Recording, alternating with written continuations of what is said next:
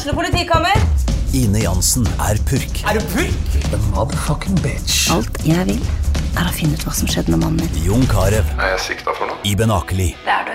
Ole So, Lars Berrum og Big Daddy Karsten. Hvem sin side er du på, egentlig? Anette Hoff, Tone Danielsen, Kommer du fra Afrika? Jørnis Josef, Nesten. Kløfta. Trond Espen Seim, Det er synd å si det, men det var feil mann som døde. Purk. Premiere tirsdag på TV2 Play.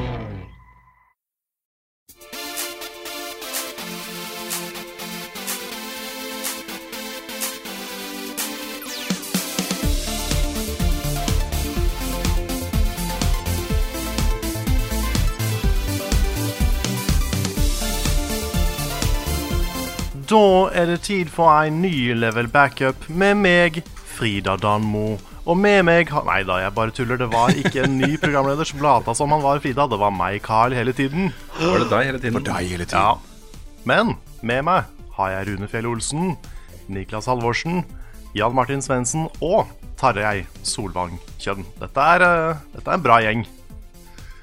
Dette er hashtag gutta folkens. Hashtag gutta folkens. Det er det. Det er fem folk, altså. Der, altså. Vi må få lagd de skjortene. Det, det har vært det beste, altså. Skal vi, skal vi begynne med å forklare hvem eh, Tarjei er, for de som ikke fulgte med på E3-dekninga vår? Det må vi gjøre. Yes. Hvem vil, hvem vil ta på seg den rollen? Tarjei er jo en uh, gammel venn av meg. Jeg har kjent Tarjei i mange mange år.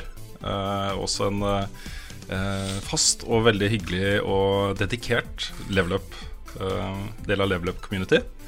Uh, Patron-backer. eh, Oh, yeah. Og fi filantrop.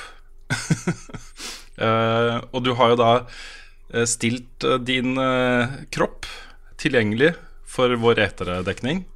eh, I form av at eh, du jobber på Forskningsparken på Blindern, eh, hvor det er et helt perfekt lite studio. eh, Med massevis av bra linje og bra utstyr og sånne ting. Så dette er da andre år på rad som du er vår vert der. Er med oss gjennom hele natta.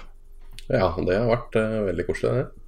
Mm, det Jeg har har det. da uh, disponert eh, meg selv og eh, ja, styrt litt og ordna litt med uh, noen sånne tekniske ting og litt streaming-greier og litt sånt nå. Så ja, skal en si? Ja? Det har vært, uh, vært skikkelig kos. Jeg gleder meg virkelig å investere tre avspaseringsdager for å støtte, støtte opp det. Så det er kanskje, kanskje i kroner og øre, hvis man skal overføre det, det største bidrag, enkeltbidraget vi har fått. Ja, nå er ikke timelønna mi så høy, men det, Ja, okay, greit, okay. det hjelper sikkert litt. Men det har jo vært eh, veldig ålreit, for vi eh, sitter jo oppe hele natta og streamer. To av de nettene gjør vi jo det. Eh, Og så sover vi noen timer, og så kommer vi tilbake. Og da har det alltid vært sånn at på vei opp så får vi liksom en melding fra deg om at ja, alt, alt er skrudd på, alt funker, det her ser ut til å gå bra. og eh, den tekniske gjennomføringa i år var jo bare helt supersmooth. Altså alt gikk jo bra. Litt lydproblemer, som det alltid er på streams. Men alt funka hele tiden, nesten. Det er godt å høre. Imponerende. Imponerende. Veldig smooth. Ja, så tusen takk til både deg, Tarjei, og til eh, sjefene dine og Forskningsparken og, og hele greia. Hva heter avdelinga di igjen? Eh, Avdelinga mi heter Universitetets senter for informasjonsteknologi. Så det er den sentrale IT-avdelinga på, på UiO. Eh, Ja, og må jo en liten shout-out til eh, Taraldsen, som er eh, primus motor bak studio. Han, eh, han har levert, og levert Mm. bra. Og nettdrift hos oss også har levert eh, linjene som har gjort at mesteparten har gått eh, supersmooth. Ja, det her er Så takk til dem. Herlig, herlig, herlig altså. Tusen takk. Det her blir jo en E3-spesial. Vi skal bare snakke om E3. Og grunnen til at vi er litt samla oss, det var jo Vi var jo live gjennom hele E3. Vi hadde jo eh, Frida innom også. Men vi har jo vært på alle pressekonferansene og dekket de og kasta penner og, og sånne ting. Så denne podkasten blir jo en oppsummering. Vi skal gå litt gjennom hva vi så, hva vi syns om det. eh, prøve å spå litt framtida, eh, osv. Så, videre. så eh, nå er liksom the gang back together for å dekke E3 en siste gang. Og så E3 2018. da Det er ikke siste gang vi dekker E3, tror jeg. Nei, det er nok ikke. Nei. Så det blir jo ikke en helt vanlig podkast, dette her. Det blir en E3-podkast. Ja, det blir ikke så mye prat om hva vi har spilt i det siste. Jeg har ikke spilt noen ting. Jeg har bare jobba med E3-ting. Mm. Så um, det blir, blir vel mest det. Mm, ja, jeg har spilt en del Jackbox, da. Det, Ja, det Ja, har vi Jackbox har vi spilt. ja, ja, det, Det er sant. Det var ekstra gøy når klokka var to på natta. Ja, Det var det, det. det var det. Quiplash var, eh, det var en god erstatning for eh, Cards Against Humanity. Mm. Kan også legge til at dette blir jo bare ett et av de mange benene som vår E3-dekning står på. Eh, alle um, liveshowene vi hadde under E3, vil dukke, dukke opp i redigerte versjoner på YouTube-kanalen vår. Eh, og Der går vi jo litt i detalj på hver enkelt pressekonferanse og alle spillene som ble vist fram. Eh, og så har jeg også klart å lage ferdig Level Update, som også går litt gjennom de største nyhetene. Uh, og så liksom surfer gjennom det. Det er ikke alt jeg har fått med meg, skjønner jeg. Men uh, sånn må det kanskje bli. Men hvis du er hypp på å se liksom, video fra noen av de spillene vi snakker om, så vil du mest sannsynlig finne det eh, i enten eteroppsummeringene våre på YouTube eller i Level Update. Så ja. Ja. Ja, hvor begynner vi? Det er, vi, har, ikke, vi, har, ikke noe standard oppsett nå, vet du, så må vi bare okay, bestemme noe jeg har, jeg, har, jeg har, lagt opp en liten sendeplan, så hvis, med deres tillatelse så kan jeg uh, kjøre gjennom den. Kjør på. Ja, jeg vil, jeg vil si som, uh, som bergens, bergensk Frida Danmo vil jeg si at det er greit. Ok, det er bra. Nei, jeg tenkte vi måtte nesten begynne med From Software. Og vi har jo uh, gnåla om dette her i flere år nå, om at uh, hvis From Software viser fram enten en oppfølger til Bloodborne eller noe helt nytt, med Hidetaka Miyazaki som regissør, så er det det vi har mest lyst til å se på etere. Og i år fikk vi fuckings se det på etere. og den følelsen var ganske sterk, altså. Mm. Ja. ja. for det var jo Vi, vi gikk jo rundt som Kanskje i likhet med resten av internett gikk vi rundt og hoppa på Bloodborne 2. Men uh, det gjorde ikke noe at det var dette her. Det kjente jeg med en gang. Det var det beste alternativet. Ja. Ja, jeg tror jeg heller ville se det spillet enn Bloodborne 2 for å være helt ja, ærlig. Ja, egentlig. Um, så bortsett fra at uh, Bloodborne var jo en, uh, var en kjempesuksess. Han fikk jo uh, høye karakterer over hele fjøla. Um, så føler jeg liksom ikke at spillet bygger for forferdelig mye opp til at det burde være en Tor, men det gjør vel bank i bordet kanskje ikke noen av Dark Souls-spillene heller. um, Kanskje. Så, det er fullt mulig å lage en oppfølger til Bloodborne, tror jeg. da Det er det absolutt Hvor du bare hent, henter inn noe. Men jeg, jeg var allikevel veldig fornøyd med hva Bloodborne var. Mm, på en måte, så Hvis Bloodborne er en one-off, uh, som betyr at vi kanskje får mer, da sånn at Sekiro kanskje er en one-off, kanskje, og så kommer det en ny IP til en annen mm. etere, så gjør ikke det noe for min del, det, altså. Nei. Nei, Fromsoft er gode på nye ting. Ja, veldig gode på Det første spillet er ofte veldig bra. Ja, mm. innovere med gammel, gammel, gamle traver. Dette spillet her heter da Sekiro, uh, Shadows Die Twice. Det foregår yes. i 1500-tallet i Japan. Um, det skal komme da til PC, PlayStation 4 og Xbox One i starten av 2019. Det er planen. Og rent sånn gameplay-messig så var jo arven fra Dark Souls og Bloodborne tydelig. Mm. Uh, men det er mye mer akrobatisk og mye mer bevegelse. Du har en grappling hook i denne litt sånn ma magiske slash mekaniske armen til uh, hovedpersonen, som heter Sekiro. Uh, som gjør at du kan svinge deg rundt omkring på bretten og bruke det som et verktøy i bosskampen og sånne ting. Mm. Den armen hadde også sånne Du kan feste våpen til den. Uh, F.eks. så kan du feste en, en, øks som brukes som en sånn skjoldbreaker. Um, som da, når du ikke bruker den, så er den liksom folda opp, opp til albuen din. Og så kan du liksom ta den ut, da uh, og bruke den. Armen din sånn er trick weapon. Ikke sant. Uh, jeg har lest litt om spillet i etterkant også. Og en av de tingene som, uh, som den gjør som jeg syns høres dritspennende ut, er uh, hvordan du dør på. tidligere så har det vært sånn i Dark Souls og Bloodborne så kommer du tilbake til forrige henholdsvis Bonfire og Lampe. Um, I Sekiro så kan du gjenoppstå der du dør. Ikke ubegrensa, men du har en mulighet til å gjøre det. Og okay. det blir beskrevet som en sånn taktisk opportunity. At du kan liksom dø på taktisk uh, kule, også riktige steder. da uh, For uh, neste bosskamp, f.eks., eller i midt i en kamp, eller et eller annet.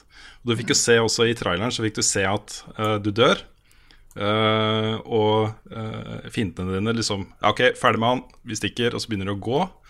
Og så kommer du tilbake igjen, og så er det en av de som bare sa Høy, han lever! og så er kampen i gang igjen, da. Eh, umiddelbart. Okay. Syns det var en kul, kul greie. Å, tenk på de mm. kule bossfightene som blir til, da. Hvor mange mm. stages de kan ha. Hvis du får lov til å dø en gang. Nettopp.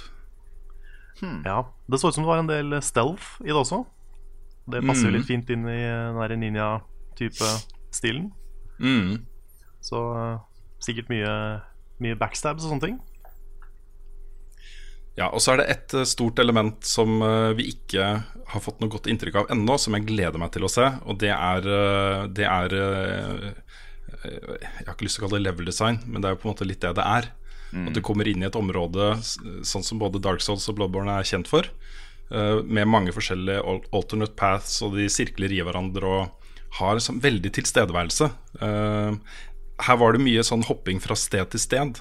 Kjappe klipp, litt derfra, litt herfra osv. Så, videre, så fikk fikk ikke noe, ikke noe godt inntrykk av det. Men jeg vil gjerne se mer av verdenbygginga. Det, det gleder jeg meg veldig til nå. Se hvordan det er lagt opp. Det har jo også kommet fram at det ikke kommer til å være levels, stats eller armor. Ok. Så det er jo nytt. Det er mye mer action-fokusert enn eh, RPG-fokusert. Mm. Så det tar, tar seg noen, noen friheter med formelen. Ja, jeg, jeg tror vi skal se på det som et nytt spill. Ja. Med, som har på en måte mer henta inspirasjon fra det tidligere. Mm. Og Miyazaki er jo etablert som en av verdens beste spilldesignere nå, så det er, det er jo gode nyheter for oss. Han er god. Dro litt den sammenligninga på livestreamen vår også, men det minner meg litt om da Capcom eh, slo seg opp og frem på 90-tallet, tidlig 2000-tallet. Eh, Først med Resident Evil, og så kom jo da Onimusha og, og Devil May Cry etterpå. Som tok utgangspunkt i ting de hadde lært for å lage noe nytt. Eh, Det føles litt sånn. Det er noe der også. Så det er eh, mulig at vi kommer tilbake. Vi skal jo oppsummere litt uh, mer konkret på hvilke spill vi gleder oss mest til etter etter det. det er mulig vi kommer tilbake til uh, Sekiro seinere i denne uh, episoden her, men det var deilig at, uh, at det spillet dukka opp også. Jeg ble ordentlig, ordentlig, ordentlig glad. Amen. En annen ting vi har snakka om på forhånd, var at eh, Microsoft kanskje hadde den mest spennende pressekonferansen i eh, forkant. Også den som vi var mest spente på, i hvert fall var jeg det. Eh, fordi kanskje de hadde mest å bevise.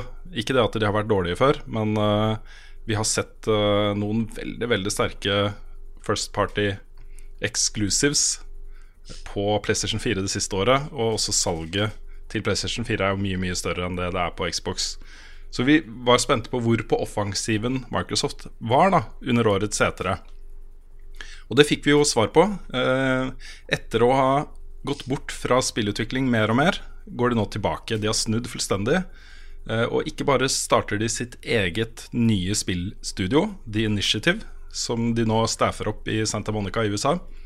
Eh, de har også kjøpt opp fire indieselskaper.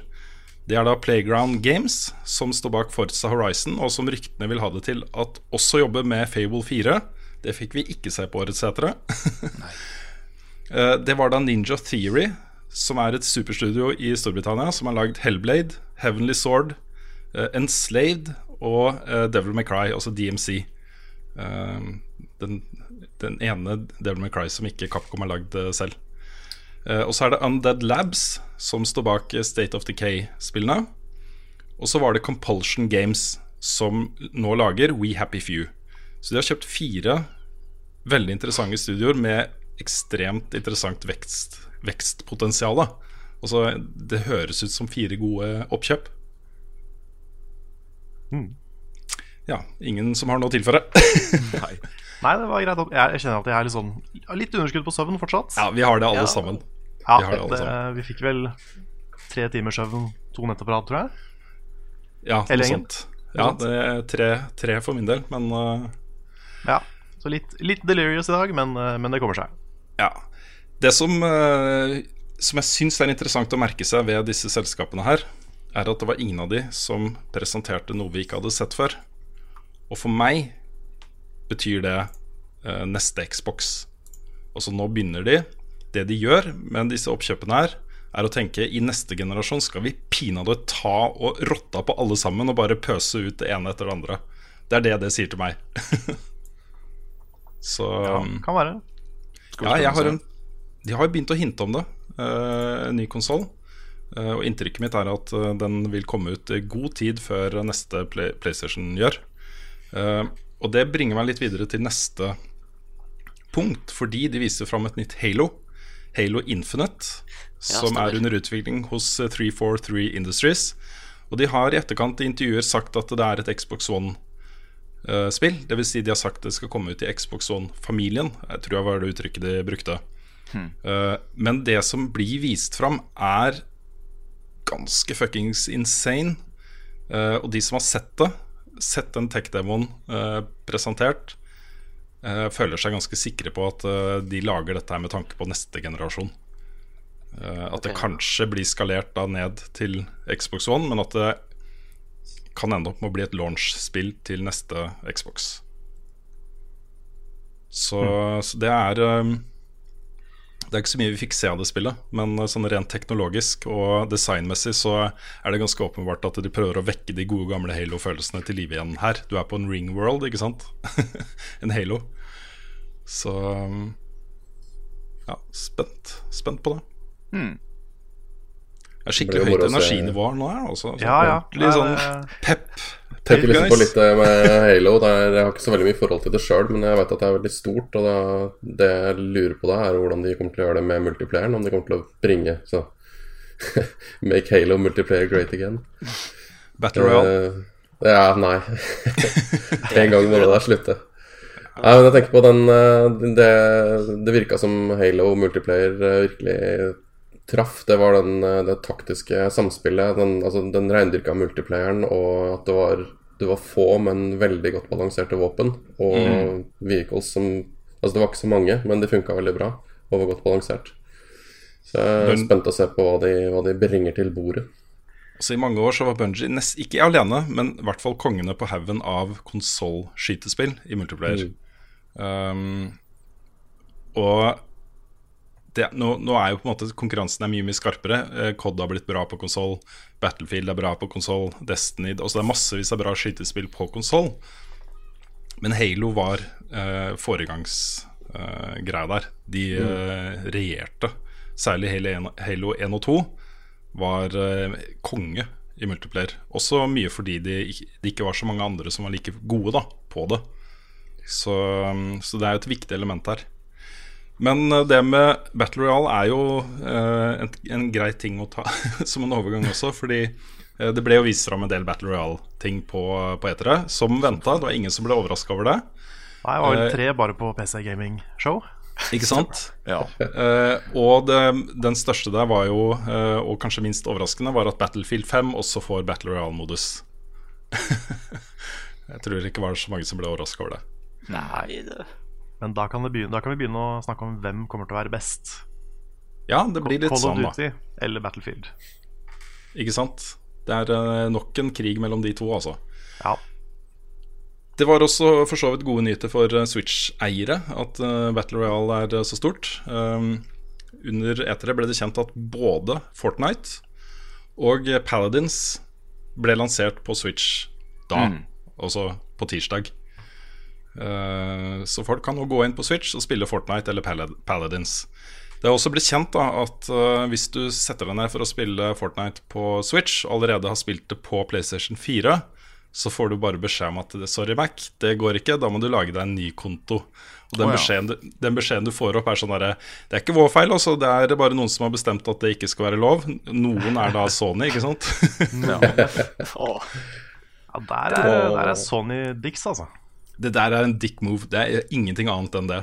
Nei, for det er, det er greit for alle andre. Det er greit for liksom Android. Apple er det vel greit for? Det er bare Mm. Sony. Det er bare Sony. Ja, For hvordan er det der med Ja, nå er ikke det et Battle Royal, da. Men ta for eksempel Overwatch, da, som opprinnelig var på PC. Blizzard. Det er jo nå på både PlayStation og Xbox, er det ikke det? Jo. Jo, er det For det linker jo bare da opp til Blizzard-accounten, ikke sant? Gjør det ikke det? Jeg vet Jo. ikke. jo jeg- Eller er det men helt forskjellige vel- Det er vel ikke noe crossplay på Overwatch, er det? Nei, det er ikke crossplay. Jeg tror ikke du kan ta med deg characteren heller. Jeg tror du må velge plattform. Det må du i hvert fall også på Destiny. Der er ikke noe, ikke noe cross-funksjonalitet mellom PC- og konsollversjonene der. Nei, riktig. Men det som er spesielt med Fortnite, er det at du har crossplay mellom alle. Mm. Så da er det da bare Sony som nekter andre å spille med seg. Ja, ikke sant. Mens alle andre tillater det. Nei, det er trist, men det er jo flott for uh, Switch-eiere at, eh, at de har uh, fått disse spillene, som alle andre spiller. Veldig. Det er i det hele tatt mye, mye bra på gang med Switch nå. At det kommer mye bra tredjepartsting. Altså, den blir en mye mer sentral del i spillmediet enn Wii og Wii U var.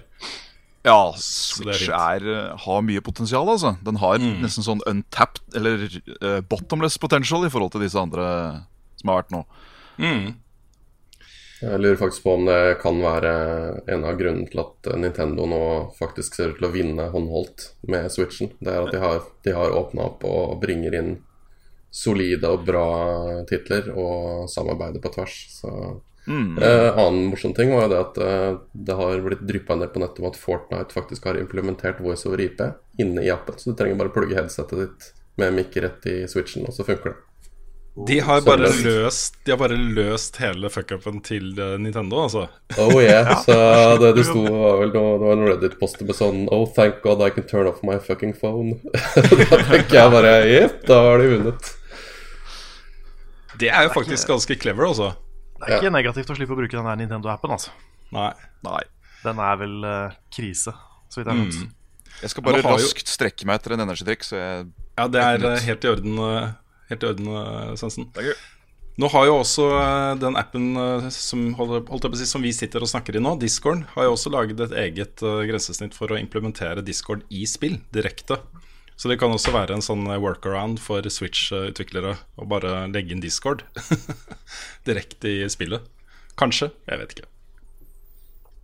Eh, Men det var jo flere Battle Royale-spill. Eh, Jeg har lyst til å snakke litt om Rapture Rejects først, jeg. Ja, stemmer. Det var jo Cyanide and Happiness, uh, webcomicen, som kom, kom, came alive. uh, det starter med at det er uh, rapture, altså dommedag. Du ser uh, de som fortjener det, blir, kommer opp i, til himmelen i sånne lyssøyler. Og så er det da de som er igjen, som må kjempe om knappe ressurser og, og sånne ting. Det var herlig, altså. Ja, det var gøy. Det veldig morsomt med isometrisk 3D-approach til Battle Royale. Og, og i Sign of Happiness-streken så tror jeg det blir veldig, veldig morsomt. Det jeg lurer litt på, er om det kommer til å ha noe særlig varighet, eller om det kommer til å være en sånn her oh, dette var kult i to timer. Og så. så de må ta med, jeg tror de må ta med noe unikt hvis det skal bli litt uh, community og litt uh, varighet på det. Ja. Det er, det er vanskelig å snike seg opp på noen hvis det er isometrisk 3D. Ikke sant? Da har liksom alle samme utsnittet. Så det blir jo et annet spill. Ja, det er jo et annet spill. Jeg, jeg ser det litt mer som et sånt uh, uh, Ikke partyspill, men litt sånn actionfokusert øh, couch co-op mul- multiplayer-spill. Hvor man skal ha det fett liksom bare med kompisene sine type.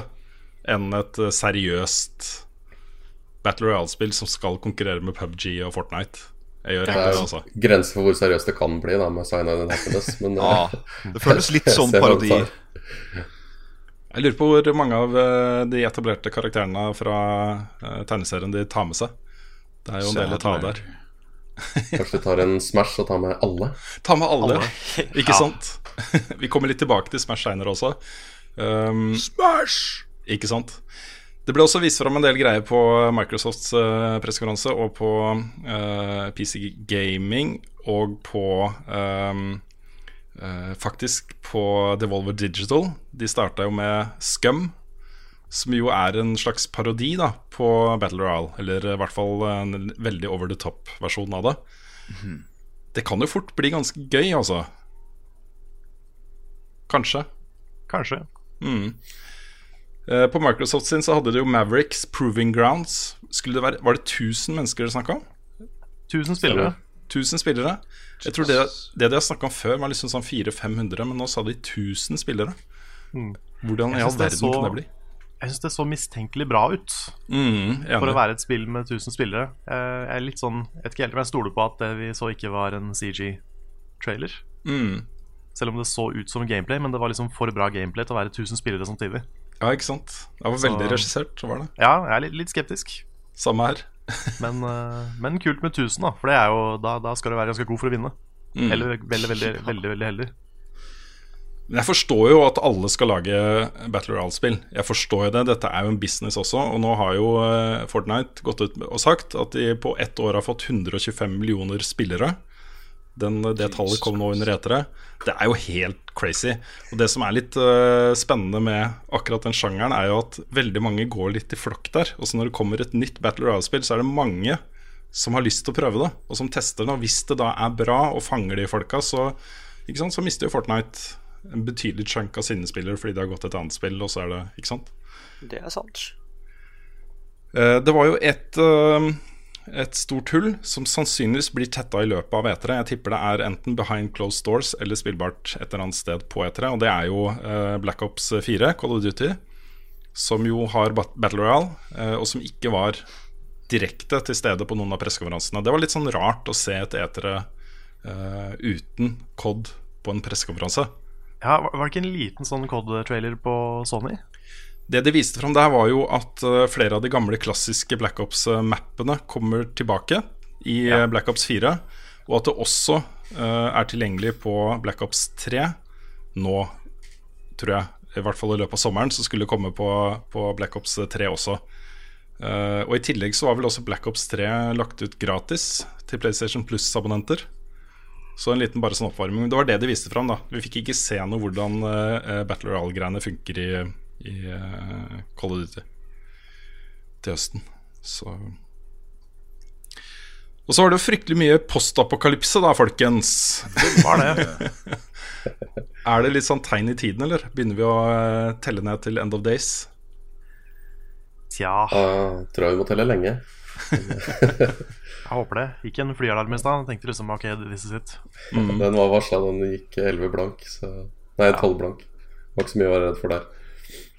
Nei, jeg bare sto i dusjen, så jeg tenkte OK, nå dør jeg i dusjen. At least you'll die clean. Yes. Men jeg har notert ned her fire spill som jeg syns skilte seg ut uh, som interessante å se litt nærmere på. Uh, og det ene, det minste interessante av dem kanskje, Rage 2, som vi allerede hadde sett ganske mye fra før E3. De eh, ga ut en lang trailer et par uker før E3. Det er under utvikling hos Avalanche i Sverige. Eh, på E3 har det blitt kjent at det spillet er single player only, og det ble jeg litt overraska over. Ja. Kun singleplayer. Det er ment som et, eh, et sandbox open world-spill for én spiller. Hmm. Så det blir jo Samme litt sånn som uh, Madmax, da. Ja, og Just Cause og Ja. ja, For så vidt også singleplayeren i eh, GTA. Ja, ja det, det, er, det er ikke helt min vibe, altså. Jeg syns det, er- det er kult at de har en personlighet der, Mm. men jeg, jeg får ikke helt uh, Den treffer ikke helt meg. Det er litt sånn Jeg føler det er litt sånn pappahumor. Mye av det. Pappahumor, faktisk. si, jeg spilte. Rage 1 mye. Det, jeg syns det var bra, et bra singleplayerspill. Det hadde en bra campaign. Level-designet var forholdsvis bra. Våpna var kule. Monstra var mange og variert. Eh, men spørsmålet er jo da om de bare gjør en Borderlands med bedre grafikk uten å helt fange Borderlands-humoren. Ja, ikke sant. For Det er litt, litt sånn det virker nå på Rage 2, at de har, de har nesten, nesten kommet i mål med noe, men det mangler noen essensielle biter. Så det er spennende, blir spennende å se utover sommeren og høsten hva, hva som skjer. Jeg syns det er ganske tydelig at de prøver å appellere til samme type fans som elsker Just Cause-spillene. Eh, For de har ikke verdens beste story eller dialog. Eh, Det er ment som over the top action, og det er laga for de som liker å eksperimentere med grappling hooks og eh, forskjellige typer kjøretøyer og fly og eh, eksplosjoner og sånne ting. Mer som en leketøyskasse enn en historieopplevelse. Eh, Og sånn ser jeg litt på Rage 2 også, egentlig. Så um, ja. Det andre spillet jeg har på lista, her er jo selvfølgelig Fallout eh, 76. Som jo også var tisa greit i forkant av eh, E3. Um, her eh, brukte de jo tid på sin pressekonferanse um, på å snakke om at dette er en shared world, altså en delt verden. Hvor du både kan spille i coop med andre, men også havne i konflikt med andre virkelige spillere. Og da er det jo litt interessant at det var jo et veldig sånn splittende punkt rett etter pressekonferansen.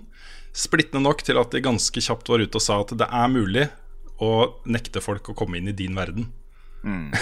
Du kan ha private games.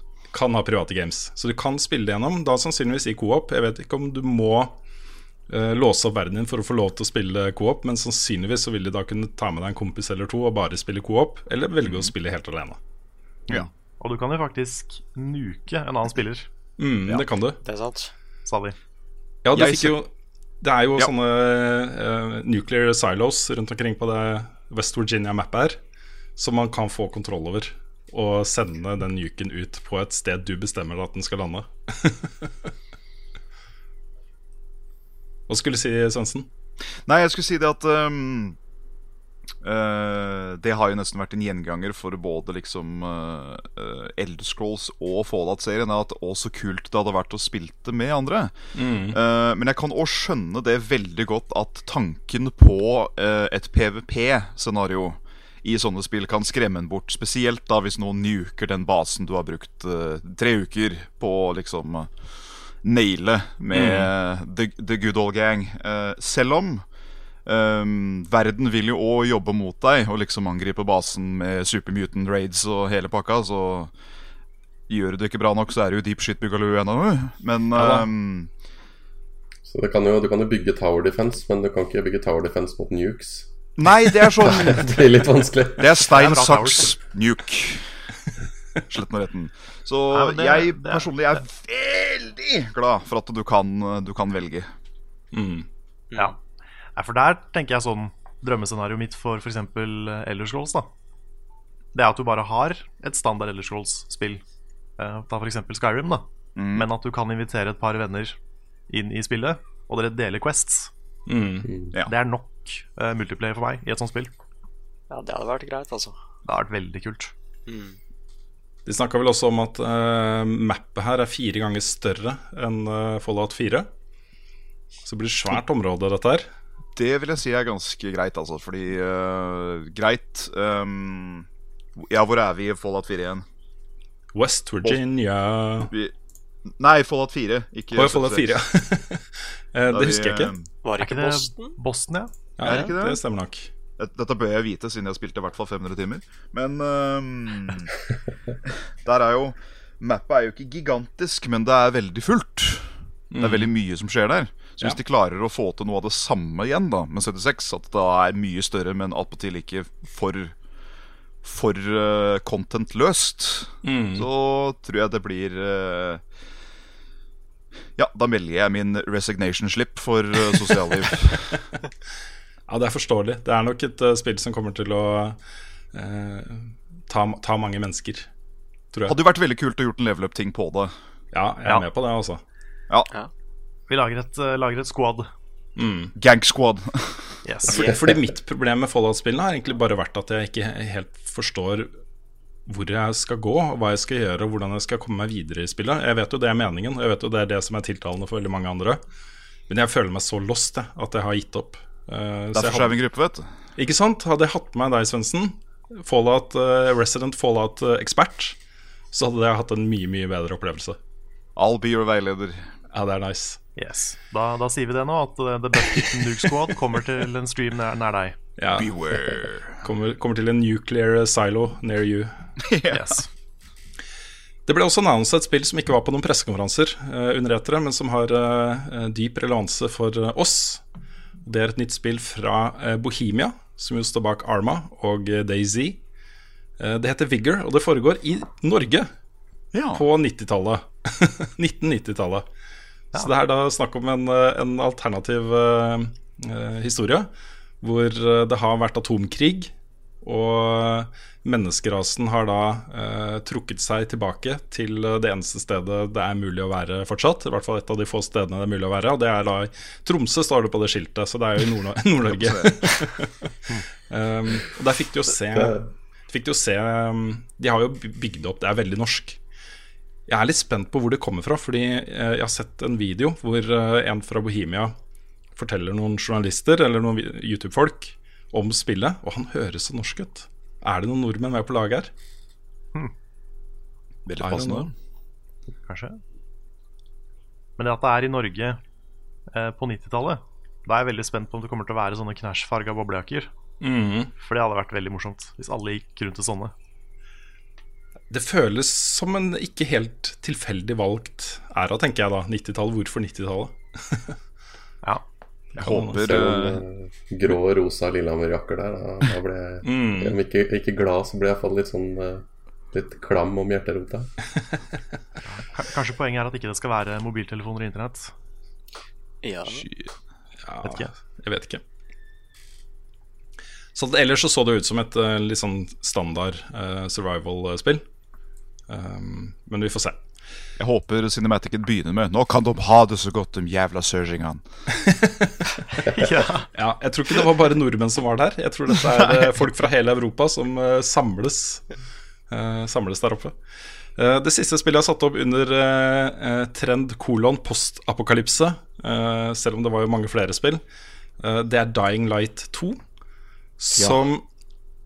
Av en eller annen grunn så ble jeg innmari nysgjerrig på det spillet. Veldig? Altså, jeg, det er ikke min sjanger helt. Jeg er litt metta på det.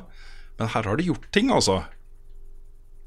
Liker jo veldig godt uh, det med at du kan liksom påvirke verden, da.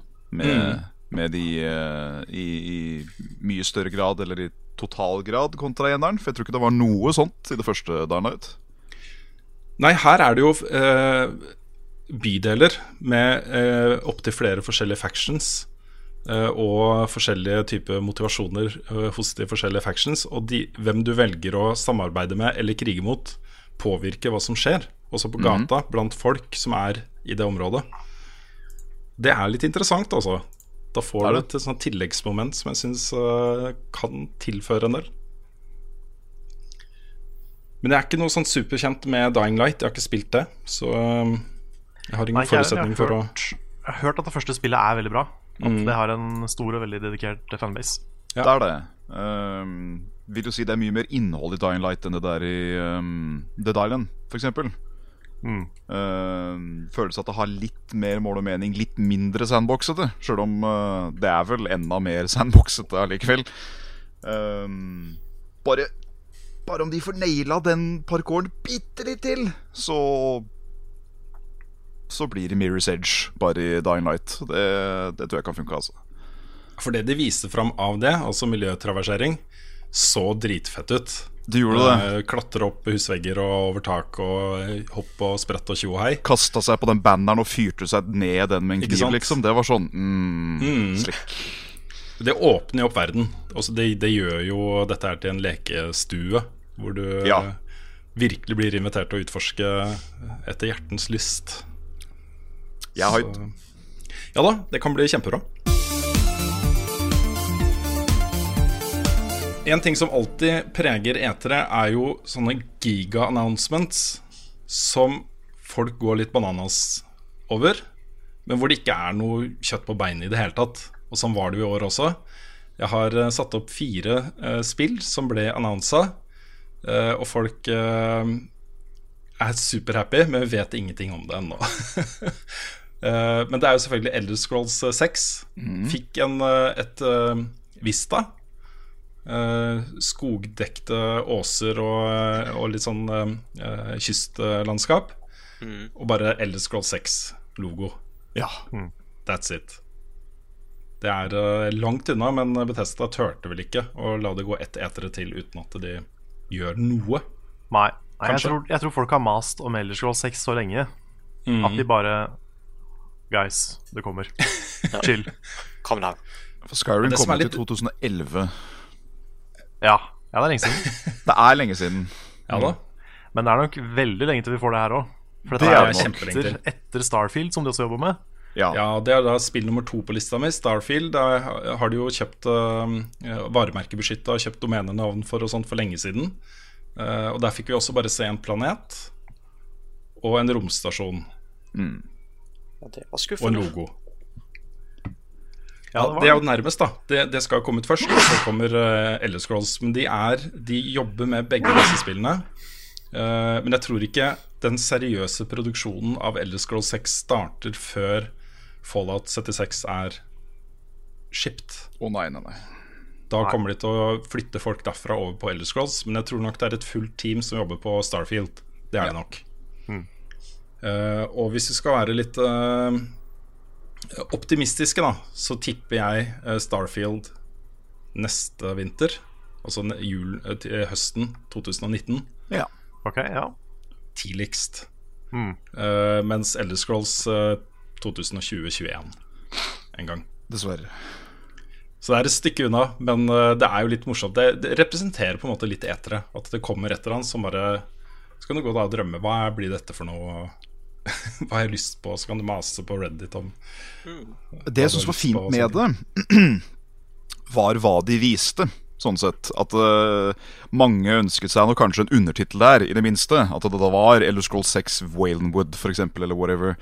Men det at de viste den naturen de gjorde, så i hvert fall utelukka de mange av eh, de populære teoriene. For at liksom Elsewhere det er en ørken. Det så, så, så ganske dårlig ut for det. Og Black Marsh er jo da en eh, sump uten like. Og det har liksom vært de to fan-favorites, virker det som. Um, så at det ser ut som at Hæ? Ja, High Rock, kanskje? High Rock kunne det vært. Ja. Uh, poenget i hvert fall er at det, det ser ut som at det blir noe annet enn det man kanskje har tippet at det skulle bli. Og da vi, setter vi oss på en måte på en helt annen limpinne, som er litt eh, morsomt. Men uh, hear me out, guys. Nå kjenner jo ikke jeg uh, Elder Scrolls-serien så godt, men alle disse uh, spillene foregår i det samme universet, ikke sant? Ja, det er på en samme planet. Hva om du kan dra til alle disse stedene i Elder Scrolls eh, 6? Ja, du kan jo allerede det i Elder Scrolls Online. Ikke sant? Um, med blandet til. Mhm. Um, så det kunne jo vært veldig kult hvis du kunne reist fra kontinent til kontinent. Uh, men da snakker vi jo ambisiøst fra en helt annen verden igjen, da.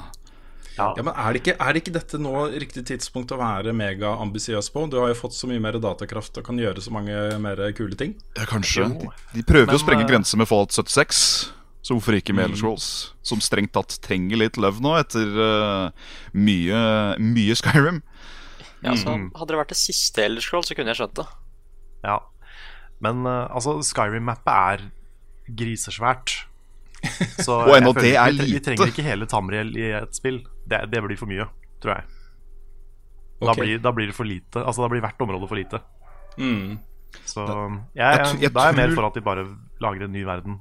Med mindre det blir det som Elder Scrolls 10 World Tour, uh, så tror jeg det kanskje passer best et MMO. Um, Ja, altså, jeg, om- jeg har en onkel som jobber i Bethesda. Han sier at det kommer til å hete Elder Scrolls 6 Ultimate. Ja. Mm. All races represented. Yes. Mm. Og så eh, fikk vi jo en veldig stor overraskelse på eh, Sonys eh, pressekonferanse. Kom helt ut av det blå. Neo 2. Yeah! Ja. Ja. Eh, det er også litt funny. Jeg, jeg leste et intervju med utviklerne i etterkant. Og det de sier, er at eh, de, de er relativt fornøyde med Nio. eh, Men de føler ikke at de fikk ut hele potensialet fra det de hadde lyst til å gjøre. At ikke de hadde helt selvtilliten på det. Og kanskje mye av grunnen til det er den eh, naturlige sammenligningen med Dark Souls, ikke sant? Eh, som jo det er veldig inspirert av. Eh, men nå sier de at eh, nå tar de den helt ut. Nå gjør de alle de tingene de føler eh, de ikke fikk til med Nio 1, og skal lage det spillet de hadde lyst til å lage. Og det er kult. Så, så det er ikke noe som er vist fram der ennå. Det var jo bare litt eh, cinematics. Ja. Men uh, du ga det jo ni av ti, Carl. Jeg gjorde det. Mm. Ja, jeg, jeg digga Nio igjen. Og eh, jeg syns det, er- det har klart å Nå er det mye bråkete her. Vent, da. Vi hører ikke noe, vi, altså. skille seg ut uh, akkurat nok for at de liksom uh, fortjener en plass ved siden av Souls som en annen ting som ligner, men som også har sin egen identitet. For det har det. Det har det. Det har Absolutt. stances, og det har en mer level-basert uh, progresjon. Mm. Altså at du går fra map til map istedenfor å ha én svær, åpen verden. Ja. Og så har du cutscenes. Veldig dårlige cutscenes og en skikkelig ræva story, men med litt sjarm allikevel. Ja, ja. Det er, eh, det er over the top på en veldig, veldig veldig teit måte. Ja, Det er sånn PS2 samurai-story, Ja. føler jeg. Med veldig opp og ned. Veldig sånn overdramatisk, men du skjønner egentlig ingenting. Nei, Det er du, sånn det du- eneste du- du veit, du- er at noen er dramatiske på hverandre. Ja, Mye Det er en TV-serie der du har gått- gått glipp av de ti første episodene. På en måte. Men eh, nei, Nio er, Nio er kult. Ja, det er det. Absolutt. Jeg har, det, jeg har kjøpt det, ikke spilt det mer enn eh, startområdet, så jeg fikk lyst til å komme meg gjennom nå. Jeg gjorde det. Hmm. Så jeg satte opp ett spill til som heller ikke fikk noe kjøtt på beinet, men som vi ble fryktelig glad for å se. Og det kommer da fra uh, Platinum Games og heter Babylons Fall. Eh, det var en litt interessant uh, presentasjon, fordi det var så sykt mye law der. Eh, de gikk jo gjennom historien til dette universet vi skal besøke. Og sa liksom i det og det året så skjedde det og det, og bla, bla, bla, bla, bla. Og så kommer du til et punkt hvor da du introduseres eh, som spiller. Eh, grunnen til at vi er hypa, er jo eh, for det første um, Det som vi fikk se, var jo litt sånn stilig uh, type armor og combat og sverd og sånne ting. Men først og fremst, dette er Platinum Games. Uh, Grunnlagt av noen av de sentrale folka i Capcoms Clover Studios. Uh, utviklerne av alt fra Near Automata til Vanquish og Bayonetta. Eh, et, et megakult studio. Altså De har lagd dritfete ting. Og her kommer det noe nytt fra dem. Og da blir man gira. Det er ikke snakk om noe annet. Det blir nok veldig kult uten at vi veit så forferdelig mye om hva det er for noe i det hele tatt. Nei, altså, jeg tror fortsatt det er noe Drakengard. Ja da. Det var veldig Ja, det mye kan med jo fort skje. Lorne. Ja, det var veldig Det kan- mye med Lorne som virka ganske likt. Mm. At det var guder først, men så forsvant de, og sivilisasjonen gikk under og sånne ting. Og det Det er et eller annet her, altså. Ja, Ja, for Nier er Automat-serien er vel også en av, avlegger fra Drakengard? Mm, det er sant. De bare bruker det som et utgangspunkt for nye ting. Ja. Could be. Det er en kul, kul ting, det, altså. Så det er spennende. Der vet vi ingenting mer enn det, så uh, Ja. Men det var der. Og så uh, nå, nå Jeg føler at jeg snakka altfor mye. Nå skal jeg ikke si nesten noen ting. Jeg skal bare si en ting, og det er Smash. Smash! Smash! ja, Ja, det um, Merkelig med det um, Hadde ikke sånn voldsomt uh, Hadde det ikke så voldsomt mye i tankene egentlig før det plutselig kom på screen. Og da merka jeg at jeg blei uh, Da blei jeg Kingdom Hearts-fanboy, liksom. Da bare pumpa hjertet og huet og hva annet. Ja, bring in everyone. Det Det var kult. Det var Det var veldig det kult. Mm. Er Rein fanservice. Ja, det er, det er hver eneste fighter fra hvert eneste spill. Bare i samme spill. Det er vel 60, nå totalt 65 Mm. Som har blitt annonsert foreløpig. En veldig riktig det- ting å det gjøre, da, syns jeg. Hva sa du? En veldig riktig ting å gjøre, det syns jeg. Ja. Det er jo ingen Altså Nesten hver eneste Smash-figur har jo mange fans. Ja. Det er ingen som vil at noen av de skal forsvinne. Det er veldig kjedelig å få en main i brawl, og så dukker den aldri opp igjen. For eksempel. Young Link i Melee Ja. fikk jeg ikke tilbake. Toon Det, Link var det samme. um, Og Ridley, selvfølgelig. Og Ridley. Ja, det var den nye. Det var nye, ja. Den uh, stadig tilbakevendende uh, antagonisten i Metroid-spillene. Korrekt. For den var jo en boss i, uh, i uh, brawl. Stemmer. Kun. I storymoden.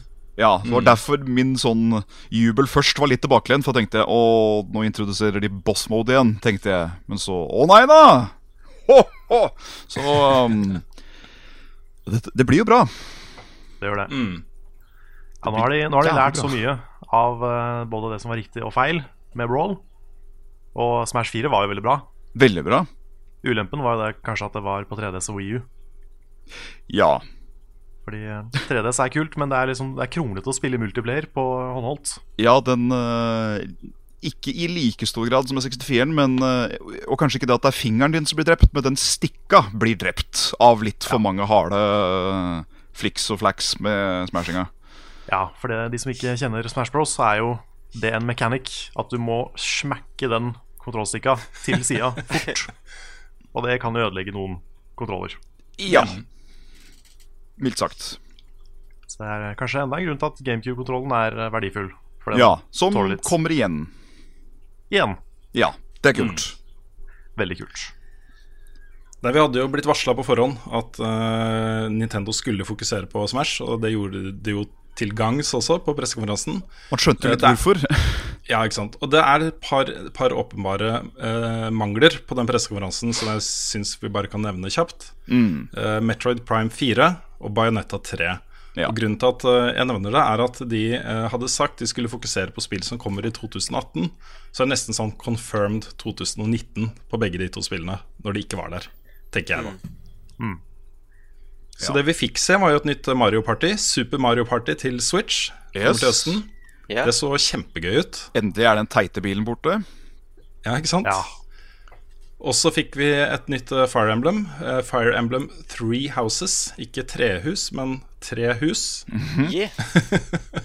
Da ble du glad, Nick. Ja, det, det var så gøy. Hype, hype. Endelig Turnbased er tilbake igjen, altså, på konsoll. Ja, det er kult. Uh, og så var det jo litt mer detaljer om uh, Pokémon Let's Go. Um, men det også var de, de brukte ikke mye tid på det. Også litt mer tid på den Treehouse-tingen etterpå. Men uh, eh, ja. Der vet vel folk nok, tror jeg, til å tenke om det er noe for dem eller ikke, kanskje. Ja, vi hadde jo Ja. runda av pennereken innen Oi, nå ringer mamma igjen. Unnskyld. Um, vi hadde runda pennereken før, um, før den Treehouse-pressekonferansen begynte. Mm. Og der hadde det kommet en penn fra meg på Pokémon Let's Go. For det, det var en del kule detaljer i den Mm. som jeg ble glad for. Sånn, De gikk mer inn på hvordan du fanger Pokémon, hvordan du slåss. Og det er mye her som er likt som Pokémon Yellow, Mm. eh, men da med en sånn liten Pokémon Go-twist. Ja.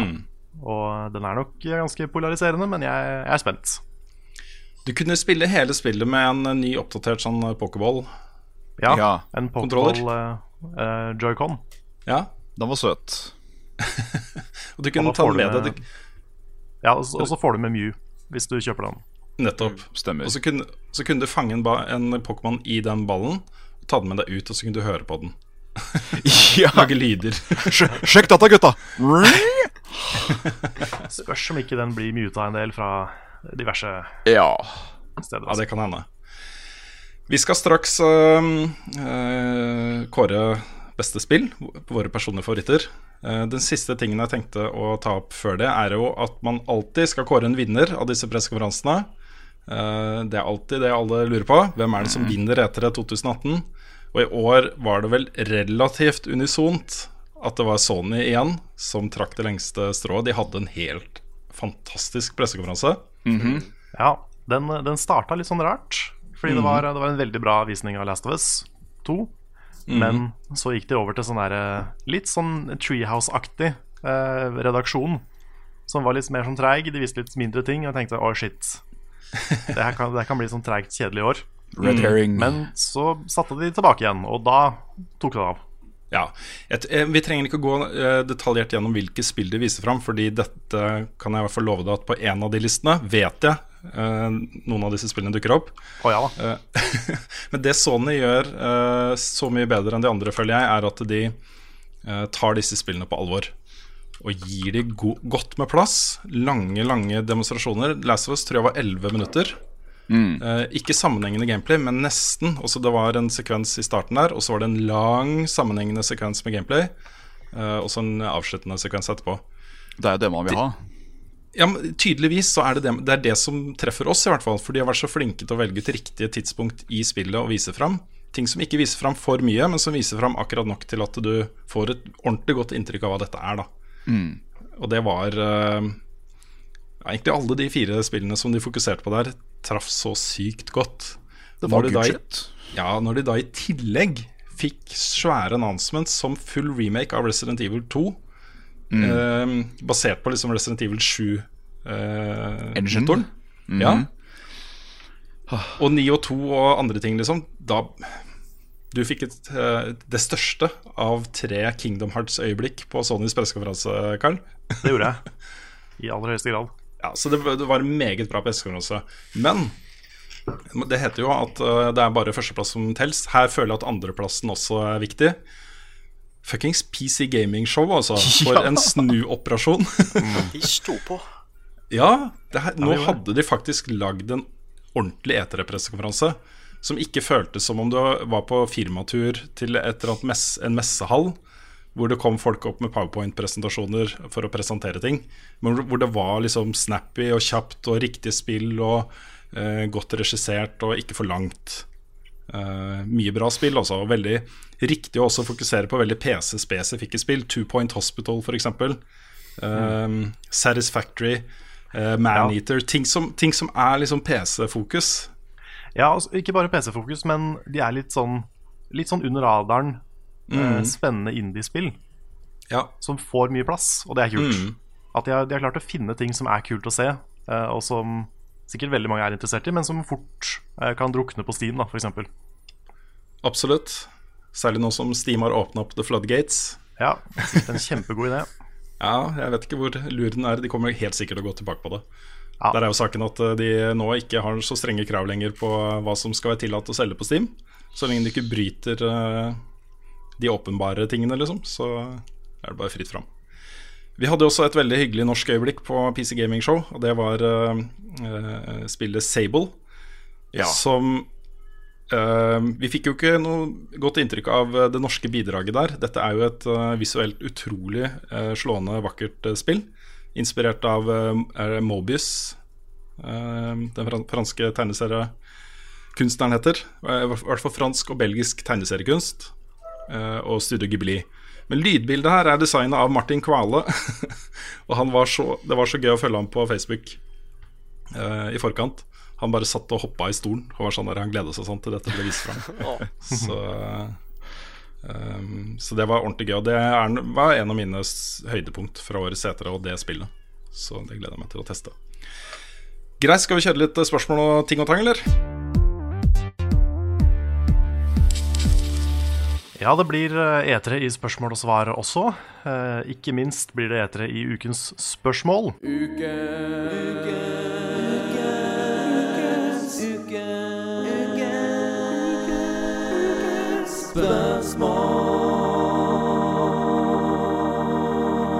Og ukens spørsmål kommer fra vår eh, gode venn Håvard. Håvard Tørre Olsen. Håvard Tøre Olsen, Har du spørsmål oppe, Rune? Det har jeg. Eh, spørsmålet er rett og slett eh, Kort og godt skriver han Hva er deres personlige topp fem-spill som ble vist frem på E3?